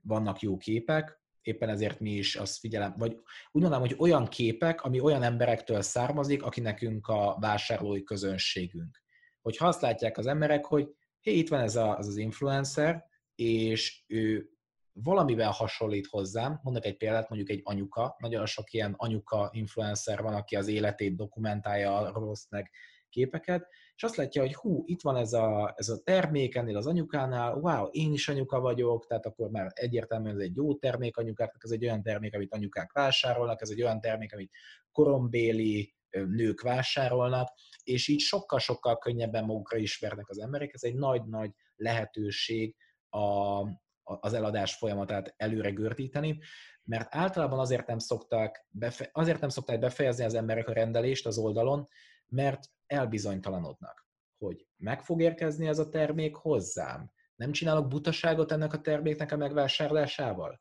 Most kellene megvásárolnom ezt a terméket, nem pedig holnap után kiskedden? És minden ilyen kis dolog, hogy itt van egy kép, ahol egy hozzád hasonló ember ott van ezzel a termékkel, és hagyott egy pozitív visszajelzést, és le is fotózta mondjuk esetleg a terméket, és azt is feltöltötte még, mert a visszajelzésekhez abban a rendszerben, amit használunk, lehet csatolni képeket, ami egy nagyon-nagyon klassz lehetőség. Szóval ezek mind-mind olyan dolgok, amik, amik miatt sokkal egyszerűbb meghozni a mi oldalunkon a döntést, a vásárlási döntést és ez szerintem mindenki számára alkalmazható, nyilván tudni kell, hogy ezt pontosan hogyan lehet megoldani. Még visszatérve az előző gondolatodra, ez nekem nagyon tetszett, hogy, hogy, hogy mondtad, hogy, hogy ti nagyon jó tapasztalat, vagy sok tapasztalata álltatok mögött, építetek egy webshopot, ami gyakorlatilag így is nullásra jön ki. És én ezt más iparágakból hallottam már, de mégis meglepett talán, hogy, hogy webshopoknál is így működik, de egyébként egy csomó a tanácsadói biznisznél is ugye ezt szokták mondani, hogy legyen egy belépő terméked, ami igazából ami hozza vissza a hirdetés költségét, és akkor már tök jó vagy, mert van egy vásárló, eladtad a könyvedet, akkor megismert, tehát hogy épül egy, egy szakértői márkád. És hogy ez ugyanez igaz végül is akkor webshopoknál is, hogy szerintem csomó ember először megijedne tőle, vagy azt, lehet, hogy azt várja, hogy majd ugye, mivel ilyen nagy profit tartalma van magának a terméknek, amit ugye beszéltünk az elején, négy-ötszörös áron adod el, akkor hogy ez meg kéne, hogy térüljön. De, és itt újra előjön talán a hosszú távú gondolkodás, hogy egy tanácsadói biznisz sem úgy tudsz felépíteni, hogy meghirdetem a tananyagomat, és akkor megveszik, mert nem ismernek, nincs bizalom. Akkor végül is itt egy fontos dolog, hogy igenis bele kell fektetni az első kapcsolatépítésbe azt, hogy, hogy én nullásan fog kijönni, mert akkor, az, akkor végülis a, a beszerzési ár és a termék árak közötti költség az gyakorlatilag a hirdetés költsége. Magyarul azzal számolnia kell egy kezdő vállalkozónak, hogy igenis a termék eladása az sokkal nagyobb költség, mint, mint a termék előállítása. Ezt jól látom? A hirdetési költségek egyértelműen egy jelentős része az árnak, igen. Konkrétumokat nem szeretnék mondani arról, hogy mi mennyiért szerezzük be magát a, a terméket, és hogy az úgy, de, de azt kell, hogy mondjam, hogy igen, egyértelműen a szállítási költségek, hirdetési költségek olyan dolgok, amivel az emberek nem szoktak számolni, pedig kellene, de ezzel nincsen probléma. Tehát igen, nagyon sokaknak van ez a fogda pénzt és fuss mentalitása, tanácsadóknak is, hogy leígérem a csillagokat az égről, meghirdetek egy, mit tudom én, valamilyen mastermind programot, ahol mindenki nagyon, nagyon, nagyon gazdag lesz, és, és akkor utána ugye ezt a pénzt ki tudják venni. De vállalkozók itt az egyetlen dolog, ami, amin, amin érdemes gondolkozni, az csak is, szerintem csak is és kizárólag a hosszú távú szemléletmód, tehát már amikor valaki építkezik, akkor úgy gondolja rá, hogy az első hónapokban lemondok a profitról, de nem baj, ez önmagában egy annyira motiváló dolog. Én annyira örülök, hogy minden nap jönnek be a rendelések. Amikor látom azt, hogy valaki feladott egy rendelést, és 30 ezer forint értékben rendelt, tehát, hogy megvolt a lehetősége, hogy csak egyet vásároljon, meg volt a lehetősége, hogy csak kettőt vásároljon, de nem, ő hatot rendelt.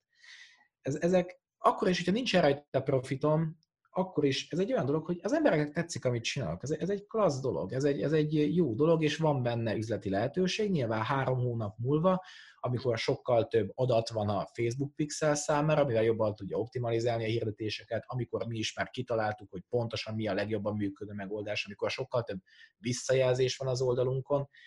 ezek, ezek, ezek mind-mind szépen összeadódnak, és nem baj az, hogy három hónapon keresztül igazából nullásan ketyeg a dolog, vagy kicsi, kicsi minusszal, illetve például ami, ami promóciókat én a tanácsadó vállalkozásomban tartok, ugye velem is úgy szoktak találkozni az emberek, hogy másfél hónapon keresztül iszonyatosan magas színvonalú tartalmat osztok meg velük, ugye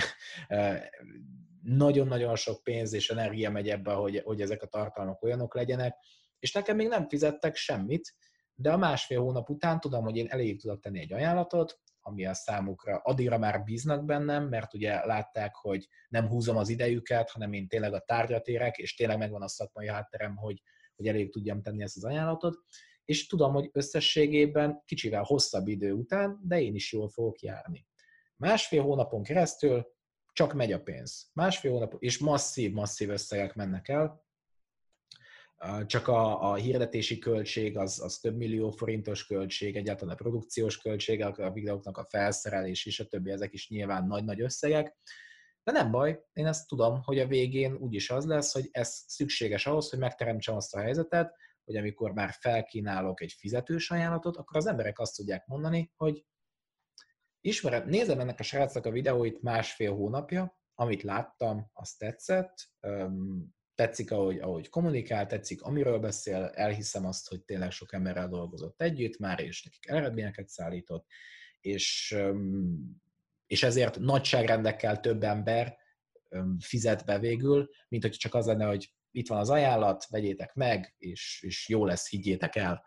Úgyhogy, úgyhogy mindenképpen így érdemes csinálni a dolgokat, igen, szolgáltatóként is, megéri beletenni online marketing kivitelezőként, vagy bármilyen szolgáltatóként, megéri beletenni azt az extra 20%-ot, hogy a, hogy a kliens nagyon elégedett legyen, mert úgy fognak jönni ajánlások, úgy fognak visszatérő vásárlók lenni, már pedig egy, egy olyan vállalkozás, aminek folyamatosan küzdködnie kell az ügyfélszerzésért,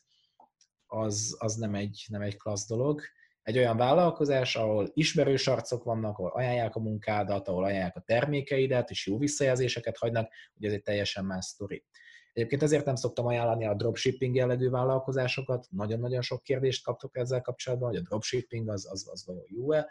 Azt meg kell érteni, hogy lehet vele pénzt csinálni, de az voltak éppen egy online értékesítői munka. Mert hogy visszatérő vásárlók, azok nem lesznek. Márkát nem tudsz vele építeni. Tehát, hogyha valaki felad egy rendelést, és három vagy négy héttel később jön meg a termék, nem valószínű, hogy szívesen rendel tőled még egyszer. A, a termékek azok teljesen ilyen, ilyen generikus dolgok szoktak lenni. És bár sokaknak tetszik ez, ugye a dropshipping az, amikor saját készlettel nem kell rendelkezned, hanem amikor befut egy rendelés, akkor te megvásárolod egy nagykereskedőtől, és a vásárló címére kiküldődik a rendelés. Nem veszik észre az emberek, hogy így voltak éppen ki vagy szolgáltatva annak, hogy folyamatosan új és új és új vásárlók kellenek, ami, ami egy eléggé darálós dolog. Még egyszer, lehet vele pénzt csinálni, meg lehet csinálni, de, de nem hiszem, hogy bárkinek, nem hiszem, hogy a vállalkozás ideális módja az ez lenne. Hm? Tök jó, hogy felhoztad a dropshippinget, ezt kérdezni is akartam, hogy ezt milyen esetben lehet jó egyébként a dropshipping? Dropshipping szerintem a gyakorlásra. Tehát ezt, ezt tudnám mondani. Tényleg azt kell megérteni, hogy, hogy van nagyon sok dolog, ami miatt az embereknek tetszeni szokott, nagyon sok olyan dolog, ami miatt megragadja a fantáziájukat, leginkább az, hogy nem kell a, a rendelések teljesítésével foglalkoznom, mert azt ugye teljesen más csinál, nem kell készletet tartanom, de hogyha elkezdtek egy kicsit mögé nézni a dolgoknak, elkezdtek egy kicsit igazán siker, tehát olyan embereket megnézni, akik korábban sikeresek voltak dropshippinggel, nagyon sokszor azt fogjátok látni, hogy, hogy egy borzasztóan ilyen, ilyen, ilyen széllel szembeni harc folyamatosan, mert a Facebook hirdetési platform nem szereti, rendszeresen letiltják a hirdetési fiókokat, már pedig, már pedig szükségek van arra, hogy az új érdeklődők bejöjjenek. És én nagyon sokszor láttam azt, hogy valaki megoszt uh, sztorikat ilyen webshop csoportokban, hogy mennyire jól megy az üzlet, az előző hónapban mennyire jó volt az üzlet, én pedig így másik forrásból hallom, hogy letiltották a hirdetési fiókját, tehát most azért van ideje annyit gépelgetni, hogy mennyire jó volt az előző hónap, mert ebben a hónapban teljesen be kellett zárni a vállalkozást. Úgyhogy ez, ez, ez része a dolognak, ami egy kicsit árnyalja a, más, a, a helyzetet. A bankkártyás fizetési szolgáltatók. Náluk abszolút az ASF-ükkel szemben megy az, hogy te úgy adsz el valamit, hogy ez neked nincsen a birtokodban. Tehát igazából csak időkérdés, hogy mikor buksz le, és utána le tudják tiltani. Vagy, vagy az kell, hogy a birtokodban legyen, vagy az, hogy legyen egy szerződésed valakivel, hogy te azt teljesíteni tudod azt a rendelést egyébként.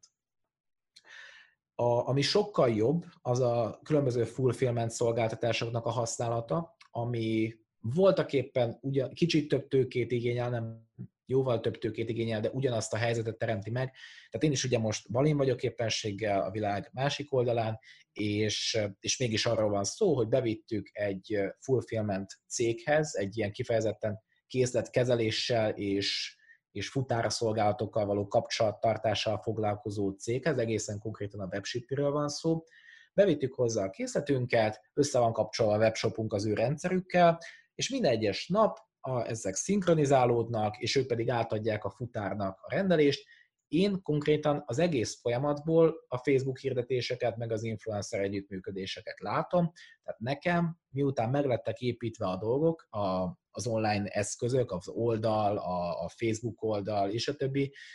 és be lett szerezve a termék, beszerzésre került a termék, utána csak az ügyfélszerzéssel kell foglalkoznom, és ez így egy nagyon kényelmes dolog, amit teljesen a világ túloldaláról is tudok csinálni.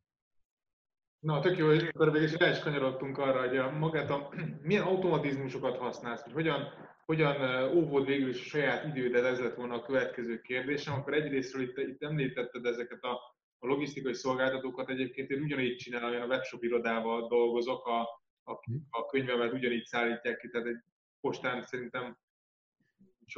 egy-kétszer volt, hogy feladtam könyvet, de hogy nem is látom, és nincs, nem, nem kell, hogy a lakása ugye az embernek tele legyen a termékével, szerencsére, és nem kell ezzel foglalkoznia, és egyébként egy tök reális árat is tudnak adni, úgyhogy abszolút hmm. én is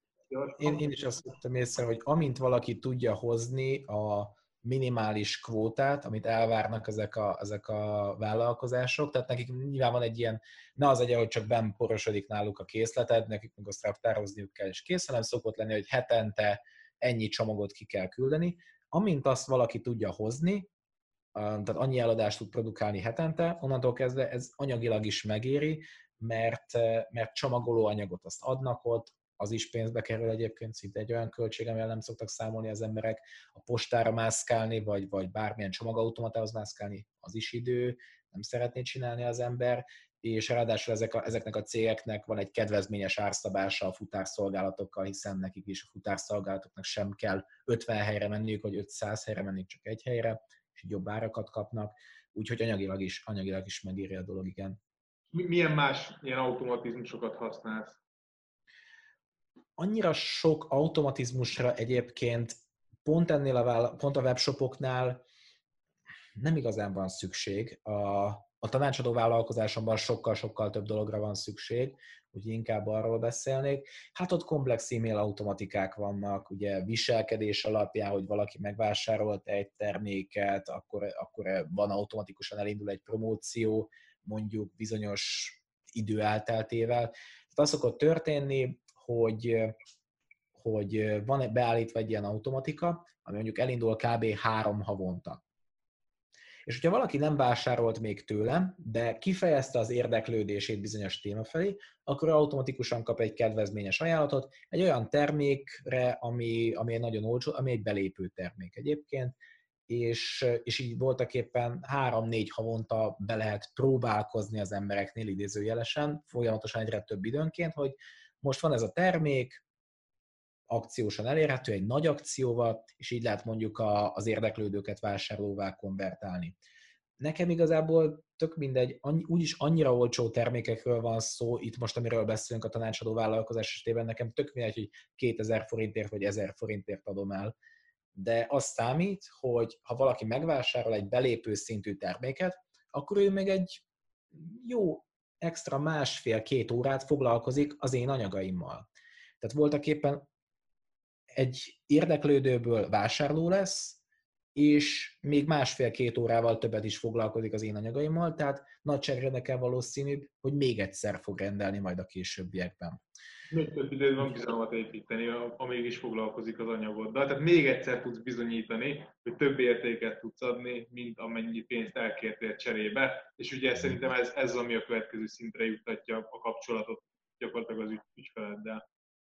ez is, másrészt létrejön egy felhasználói fiók az oldalon, tehát következő alkalommal már nem kell felhasználói fiókot készítenie, mert ott van, és pontosan tudja azt, hogy mire számíthat. Tehát pont nagyon sok ember nem érti ezeket a, talán ezt te is találkoztál, vagy nem értik az emberek, hogy hogy fog DVD-ket kapok majd a videókkal, vagy, vagy hogy fogok hozzáférni ezekhez a dolgokhoz. Vagy ugye az esetben az előfizetéses rendszer ugye szinte egy olyan dolog, ami sokaknak még új hogyha valaki megtesz egy ilyen kicsi lépést, akkor már van egy ilyen referencia tapasztalata, hogy mire számíthat, és hogyha egy nagyobb összegű vásárlásról van szó, akkor könnyebben meghozza már azt a döntést, mert pontosan tudja, hogy feladom a rendelést, utána be tudok majd lépni ezen az oldalon, kapok egy visszaigazoló e-mailt, abban minden szükséges info benne lesz, és, és ja, hogyha valami problémám van, akkor majd írhatok az Ádámnak a infokukasztacitproject.hu címen, tehát ugye van egy 365 napos garanciám, és ugye minden egyes, még egy ilyen, egy ilyen kísértékű terméknek a promóciója is lehetőséget biztosít nekem arra, hogy azt mondjam, hogy 365 napos garancia van minden termékre. Erre is, meg a sokkal drágábbra is, és akkor ez így nagyon jó pozícionálás szempontjából is. A webshopoknál automatizálás, hát mondom, olyan dolgok vannak, amik, amik ezek a, a Ricard például, tehát ez a kosár elhagyási automatika, ami Facebook Messengeren keresztül működik. A Facebook hirdetéseket azt még nagyon sokat tesztelünk egyelőre, tehát azt még nem automatizáltuk. Egy idő után az az, hogy készítünk egy dokumentációt arról, hogy milyen dolgok szoktak működni, milyen célzások szoktak működni, milyen, milyen kreatívok szoktak működni, és akkor lesz a csapatomnak egy ilyen checklistája lényegében, hogyha egy új kampányt indítunk, mondjuk lesz, ugye most volt a Black Friday promóció, hogyha majd, mit tudom én, Valentin napi promóció lesz, akkor nekem már nem is kell vele foglalkoznom, azt tudom mondani, hogy figyeljetek, vegyétek elő a dokumentációt, ott van a checklista, és szabjátok személyre, szabjátok rá a Valentin napi alkalomra, és majd beszélünk, hogy hogy alakult. Szóval, szóval nagyjából így lehet ezt automatizálni. A, amúgy meg nagyon sok dologra vannak kész megoldások már, ugye a rendelések fogadása, ugye az kell egy kosár szoftver, mi a WooCommerce-t használjuk, a, a bankkártyás fizetésekre vannak lehetőségek, ugye erre például a PayLike szolgáltatót szoktuk használni, és akkor nekik van egy kész megoldások. Neked csak fel kell telepíteni, és onnantól kezdve be kell egyszer konfigurálni, de onnantól kezdve magától működik igazából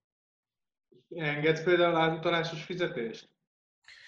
Még igen, de, de nagyon nem szeretem az átutalásos fizetést. Ezt gondolom, hogy azért kérdezed, mert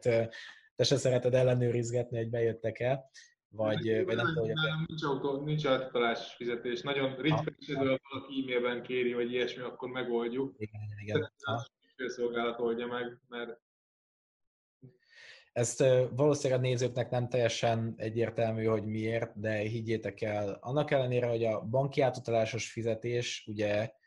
az, annak a költsége titeket terhel, míg a bankkártyás fizetés az minket terhel, tehát abból levonnak a szolgáltatók, és, és így,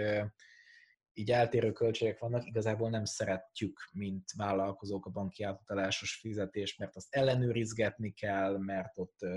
könyörögni kell az embereknek, hogy létszi, feladtál egy rendelést, létszi, tedd már meg, hogy elutalod. Nagyon sokan ilyen fizetési megbízást szoktak csinálni, ugye, hogy, hogy bemennek a bankba, és ilyen készpénzbefizetés, vagy, vagy úgy, és hát nagyon sok ilyen oda-vissza levelezés szokott igényelni, és, és igen. Szóval a lényeg, hogy mi még egyelőre engedjük a banki átutalást, minden hónapban megfontolom, hogy ki kéne rakni a francba. Tehát minden egyes hónapban úgy vagyok vele, de nagyon sokan veszik igénybe, és, és most már azt a megoldást találtam rá, hogy a csapatomból az egyik, egyik embernek van hozzáférése az egyik bankszámlához, oda futnak be a banki átutalásos fizetések, és akkor amikor, amikor bejön, akkor ő ezt ellenőrizi, tudja, hogy megjött, és, és így, így működnek a dolgok. Nekem meg nem kell tudnom róla tehát így tudjuk a banki átadásos fizetéseket is fogadni, és nekem nem kell ellenőrizgetni. Mert régen ez volt, hogy, hogy mindig volt egy banki átadásos rendelés, és nekem nézegetni kellett, hogy ez megjött már. És ugye az nem jó, hogyha az ügyvezetőnek ezzel kell foglalkoznia. Akkor még csak nekem volt hozzáférésem a, a bankszámlához, most már, most már másnak is, és akkor így a, az utalásokat is tudja ő kezdeményezni, hogyha valakinek át kell utalni valamit, és ellenőrizni is tudja azt, hogy bejöttek-e a dolgok a, befutottak-e a pénzek, de, de nyilván nekem erre azért van lehetőségem, mert már van egy nagyobb csapatom, ez nem egy olyan dolog, ami egy kezdőnek elérhető. Ott két lehetőség van, vagy az, hogy, hogy ő ellenőrizgeti, ami egy, hát jó, végül is pénzt kap az ember, szóval nem szabad panaszkodni, megéri ezt a munkát belefektetni, vagy pedig az, hogy ami, amit te is csináltál, és aztán úgy értem, hogy te mint kezdő, hanem hogy lehet ezt mondani, hogy Ugye külföldön nincsen banki fizetés. Amerikai programokat nem lehet, nem lehet utalással fizetni. Ott csak kártyás fizetés van, és ez is egy lehetőség, amit végül is valaki választhat, hogyha azt mondja, hogy, hogy ő nem szeretné ezeket fogadni. És akkor lassan szerintem itt a végére érünk, nagyjából átbeszéltük, szerintem nagyon-nagyon jó tippeket adtál. Még azt szeretném megkérdezni, hogy a, mennyire lehet szerinted egy ilyen vállalkozás passzív, mennyire tud passzív jövedelmet termelni, illetve hogyha ha lehet, akkor hány százalékban lesz az passzív, és mennyi idő, mire eljut idáig egy vállalkozás? Hmm. Hát sok mindentől függhet a, a vállalkozónak az egyéni céljaitól is, a vállalkozónak a működési területétől is. Én a, a tanácsadói vállalkozásomat teljesen tudnám passzívan csinálni. Tehát tudnám azt csinálni, hogy ugye most a vállalkozás indítási tréningemnek a 8.0-ás verziója van, és ahhoz szoktunk adni tehát vannak személyes találkozók, van folyamatos kérdezfelelek, van heti kettő darab élő webinár, van, megválasztjuk a kérdéseket, ez nem feltétlenül elvárás az emberek részéről. Tehát, hogyha azt mondom, mert szeptemberben csináltam ezt, hogy egy, egy diszkontált áron eladtam csak a tréninget magát, csak a videóanyagokat, és nekem utána semmit nem kellett dolgoznom vele. Ez egy teljesen passzív ödelem volt, bőven 8 számjegyű bevételt termelő promócióval. Ezt mindig el tudnám adni egyébként így a, így a tréninget, hogy csak a videóanyagokhoz biztosítok hozzáférést. De nem szeretném, mert nem egy jó megoldás, nem tartom a kliensek számára egy jó megoldásnak, és nem tartom egy igényes megoldást. Nekem nagyon kényelmes lenne, de, de, de a minőség beromlást jelentene egyértelműen. De így, hogy most már a 8.0-ás verziónál vagyunk, ugye összeálltak az anyagok,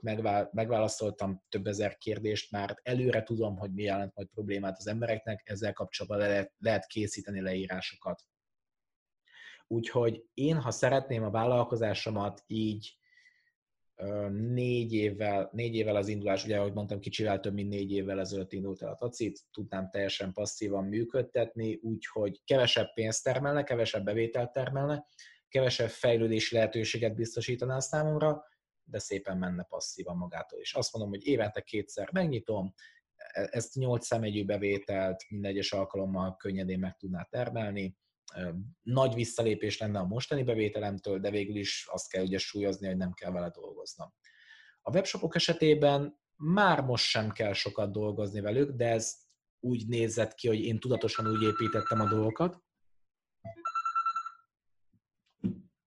Csinálom.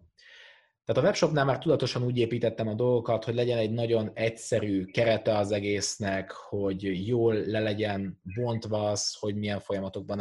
áll össze az egész, és úgy fogalmaznék, hogy azt egy megfelelő háttértapasztalattal, hiszen ennek a tapasztalatok az összegyűjtése azért sok idő, az gyorsan meg lehet csinálni, hogy passzívan működjön. Mindig ezt kell súlyozni, hogy tehát egy kezdőnek nyilván először a tapasztalatot kell összegyűjteni, álljon össze, hogy hogy működnek a dolgok, szerezze meg a szükséges készségeket, és utána viszonylag könnyen lehet passzív jövedelmet termelő vállalkozásokat is gyűjteni, vagy építeni, bocsánat, de akkor már egy ilyen korábban felhalmozott tudástőkére építesz. Úgyhogy egy kicsit nem tudok erre egyértelmű, kicsit nehéz erre egyértelmű választ adni, ugye úgy mondom, hogy sok mindentől függ, amire fel kell készülni, hogy úgy belevágni a vállalkozásba, hogy én azért építek vállalkozást, hogy nekem passzív jövedelmem legyen, már az első alkalommal, már az első, első körben úgy vágok bele, ezt sokszor láttam, sokszor láttam elbukni, és mindenkinek felhívnám a figyelmét rá, hogy ez nem egy reális várakozás. Az elején bele kell fektetni a munkát ahhoz, hogy felhalmozza a tudástőkét, és utána már meg lesz a lehetőséged arra, hogy, hogy passzív jövedelmet termelő vállalkozásokat építs, viszonylag gyorsan. Még egyszer, mi most az, a második fél évében ennek az évnek négy darab webshopot építettünk, és, és az elején kellett dolgozni azon, hogy, hogy beinduljanak a dolgok, de utána, miután ez megvan, miután megvannak az alapok, miután megvannak a termékfotók, a gyártó, a csomagolás, a kiszállítás módja, a hirdetésekben, hogy mi működött, onnantól kezdve már drasztikusan lecsökkent a, a, a teljesítésnek az időigénye, és akár nevezhetjük 80%-ban passzívnak is ezt a, ezeket a vállalkozásokat. A, a maradék 20%-ot pedig jellemzően át lehet adni valakinek. Tehát fel lehet venni egy embert, hogy figyelj, négy, de négy webshopot menedzselj nekem, megvannak a feladatok, megvannak a dokumentációk hozzá, ez abszolút egy megcsinálható dolog, de egy korábbi tapasztalatra kell hozzáépíteni. Úgyhogy ismét csak ezt tudom mondani, ugye tudom, hogy ez nem pontos válasz a kérdésedre, de hogy a tapasztalatot meg kell szerezni hozzá, azért az azt mondom, hogy másfél-két év ahhoz minden bizonyal kell. Amint megvan az a tapasztalat, onnantól kezdve viszont van egy, egy ilyen építő, teremtő képességed, ami nyilván nagyon-nagyon értékes. Szuper, szerintem abszolút ezt a, ezt, ez a válasz az, ami, ami, ami de szüksége van az embereknek, meg ami, ami ténylegesen így van, és ezt, ezzel a elvárással érdemes belefogni. Hm. Ugye azt azért beszéltük, hogy itt az elején valószínűleg nem lesz könnyű dolog, aki most indul el, egy csomó kudarc fogja érni valószínűleg, ugye nem lehet tudni, mi működik, mi nem, ugye te is említetted, hogy elég sokat teszteltek, ez lelkileg is egy eléggé megterhelő tud lenni, és most nem akarok feltétlenül nagyon ennek a mélyére menni, csak azt szeretném kérdezni tőled, hogy te milyen technikákat alkalmazol ahhoz, hogy a, a mentális vagy a fizikális fittségedet fenntartsd, van-e valami napi rutinod, hogy mit tanácsolnál azoknak, akik, akik egy ilyen egy rögösebb utat választanak, mint mondjuk, amit eddig megszoktak? Uh-huh. Uh, ez, egy, ez, egy, ez egy nehéz kérdés, amit egy ilyen általános dologként mondani. Um, az, egyik, az egyik dolog, amit kicsit elfogult vagyok a témában, de ezt a D-design tervezőt pont azért készítettem, pont azért állítottam össze, mert voltak a tréningemnek a résztvevői, és láttam, hogy mennyire jó lenne nekik egy olyan kézzel fogható eszköz, mert ugye egyébként a tréningem teljesen online, amiben tudnak jegyzetelni napi szinten, hogy milyen haladást értek el, milyen gondolataik támadtak, mit tanultak a mai napon, tehát hogy minél kézzel foghatóbb legyen a haladásnak az érzete. És még egyszer, ez az én termékem, valaki megvásárol, egyébként nagyon kevés termékünk maradt már csak, de a következő nyomás előtt, de, de ezt mondjuk pont azért állítottam össze, és én magam is használom, tehát én magam is napi szinte jegyzetelek ebbe, de ez egy nagyon új dolog. Tehát ezt nem mondanám, hogy ez volt a hátterében az én haladásomnak, csak egy olyan eszköz, amit direkt azért csináltam, mert úgy voltam el, hogy hú, ez tök jó lett volna. Hogyha én le tudtam volna írni, hogy, hogy 11. hó 20-án mit csináltam, és vissza tudom nézni, hogy aznap milyen problémákat oldottam meg, és hogy mit tanultam aznap, ez, ez annyira látványossá tenné a haladást mondjuk 90 nap alatt csak, hogy ez az nagyon jó lett volna, és most nagyon sokat profitálok belőle. Az első dolog. A másik, én nem akarom azt mondani, hogy, hogy nagy, nagy követője vagyok mondjuk a sztoicista filozófiának, de erre a, erre a filozófiára lehet visszavezetni egy gondolatot, ami nekem, nekem nagyon sok kihívásnak az eltűrését segíti, ez pedig az úgynevezett negatív, vizuali, negatív vizualizáció. Az, hogy azon gondolkozik az ember, hogy oké, okay, most történik velem valami rossz dolog, de mi lett volna, hogy annak idején én nem is kezdtem volna bele a vállalkozói útba. Nem olyan rég volt az, hogy elveszítettem egy, egy buta hiba miatt nagyjából 400 ezer forintot, volt olyan is, hogy sokkal többet veszítettem volna. Például tavaly, amikor itt voltam Balin, akkor ugye, ugye eltörtem a kezemet, és akkor mondjuk ott a műtétet megcsinálni, az ki kellett fizetni zsebből, több mint két millió forint volt. És akkor ezek olyan dolgok, amiket, hogyha belegondolsz, hogy, hogy elbukni lényegében ennyi pénzt, hogy ez nagyon, nagyon frusztráló dolog lehet. De igazából a legkevésbé sem érdekelt, mert úgy voltam vele, hogy ha én annak idején nem kezdtem volna el vállalkozni, nem léptem volna erre az útra, akkor nagyságrendekkel rosszabb lenne az életem, akkor nem is lett volna lehetőségem egyáltalán megteremteni ezeket a, ezeket a dolgokat, ezt a pénzösszeget, most, hogyha erről beszélünk, és az egy nagyságrendekkel rosszabb helyzet lett volna összességében. Tehát minden egyes negatív dolog, ami történik az életemben, úgy vagyok vele, hogy kihívás, vagy, vagy bármilyen stresszt okozó helyzet, vagy bármilyen történés, úgy vagyok vele, hogy oké, okay, ez rossz, de emlékeztetem magam, hogy mennyivel rosszabb lett volna, hogyha csak egy ilyen pici dolog történik, hogy annak idején nem kezdtem volna el vállalkozni, az életem egy drasztikusan más irányt vett volna, ki merem jelenteni, egy drasztikusan rosszabb irányt vett volna, és igazából így meg tudom győzni magam, hogy, hogy hogy végül is, végül is lényegében nagy, nagyságrendekkel jobban jöttem ki a dolgok végén, és ez mondjuk egy olyan dolog, ami, ami gyakran szokott segíteni. Bármikor, amikor frusztrált vagyok, csak emlékeztetem magam, hogy aha, de hogyha annak idején, még hat évvel ezelőtt úgy lettem volna, mert akkor még emlékszem, gondolkoztam azon, hogy hát azért lehet, hogy mégis alkalmazottként kezdek el dolgozni. Szerzek egy MBA-t, ugye én elvégeztem a Corvinus-t, egyébként lediplomáztam, el tudtam volna vele helyezkedni nagyon klasszul, akkor még ott bujkált a fejemben ez a gondolat, hogy ha engedtem volna ennek a gondolatnak, akkor most az életem sokkal rosszabb lenne. És semmilyen, semmilyen rossz történés, ami velem történik, ezt nem tudja felülírni, nem tud nagyobb negatív hatással lenni az életemre, és hát ez egy sztoicista gyakorlat negatív vizualizációnak hívják, bármi rossz dolog történik veled, bármi kihívással szembesülsz, bármi nehézséget okoz, és gondolj arra, hogy igazából lehetne sokkal rosszabb is. és ez sokat levesz az embernek a válláról. Ez a két dolog, ami nekem így elsőre eszembe jutott. Valószínűleg sok rész dolgot lehetne még említeni, de, de tényleg bárki nézőnek ezt tudnám mondani, a vállalkozás sok kihívással jár, valószínűleg az életednek a legnehezebb kihívása, hogyha elkezded, tehát nem valószínű, hogy hasonló nehézségű dolgot csináltál, de van egy személyiségfejlesztő ereje, tehát egy-két évvel később sokkal inkább egy olyan ember vagy, akire büszke lehetsz, aki sokkal inkább alkalmas a problémák megoldására és egy jobb élet építésére, és bármi negatív dolog, ami történhet, igazából, igazából semmi ahhoz képest, hogy nem használsz ki egy lehetőséget.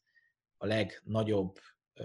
leg, legnagyobb megbánások az ember életében mindig az, hogy mik azok a lehetőségek, amiket nem aknázott ki. Nem az, hogy én is úgy vagyok vele, hat éve nagyon keményen hajtom magam. Most elkönyveltem az idei év végén, mostanában, hogy jövőre már kevesebbet fogok dolgozni.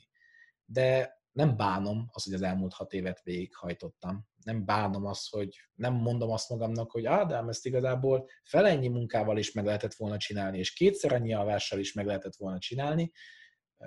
valahogy, hanem, hanem azt mondom, hogy így volt jó, sok munkába tellett, most ideje picikét visszavenni, egy picikét a csapatépítésre koncentrálni, és nem az én személyemre építeni a vállalkozást, hanem sokkal inkább a, a csapatomra és a, és a folyamatokra, amik működnek, de, de ez, hogy, hogy, hogy bizonyos ideig így működtek a dolgok, utána levonja az ember a következtetéseket. Szerintem ez mindenkinek segíthet, hogy látja, hogy fázisokban tud alakulni az élete.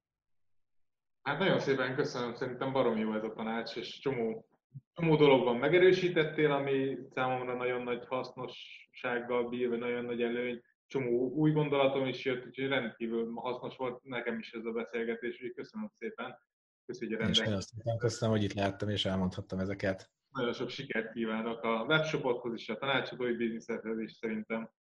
sok embernek adsz értéket, úgyhogy csak itt tovább. Köszönöm szépen, és viszont kívánom természetesen.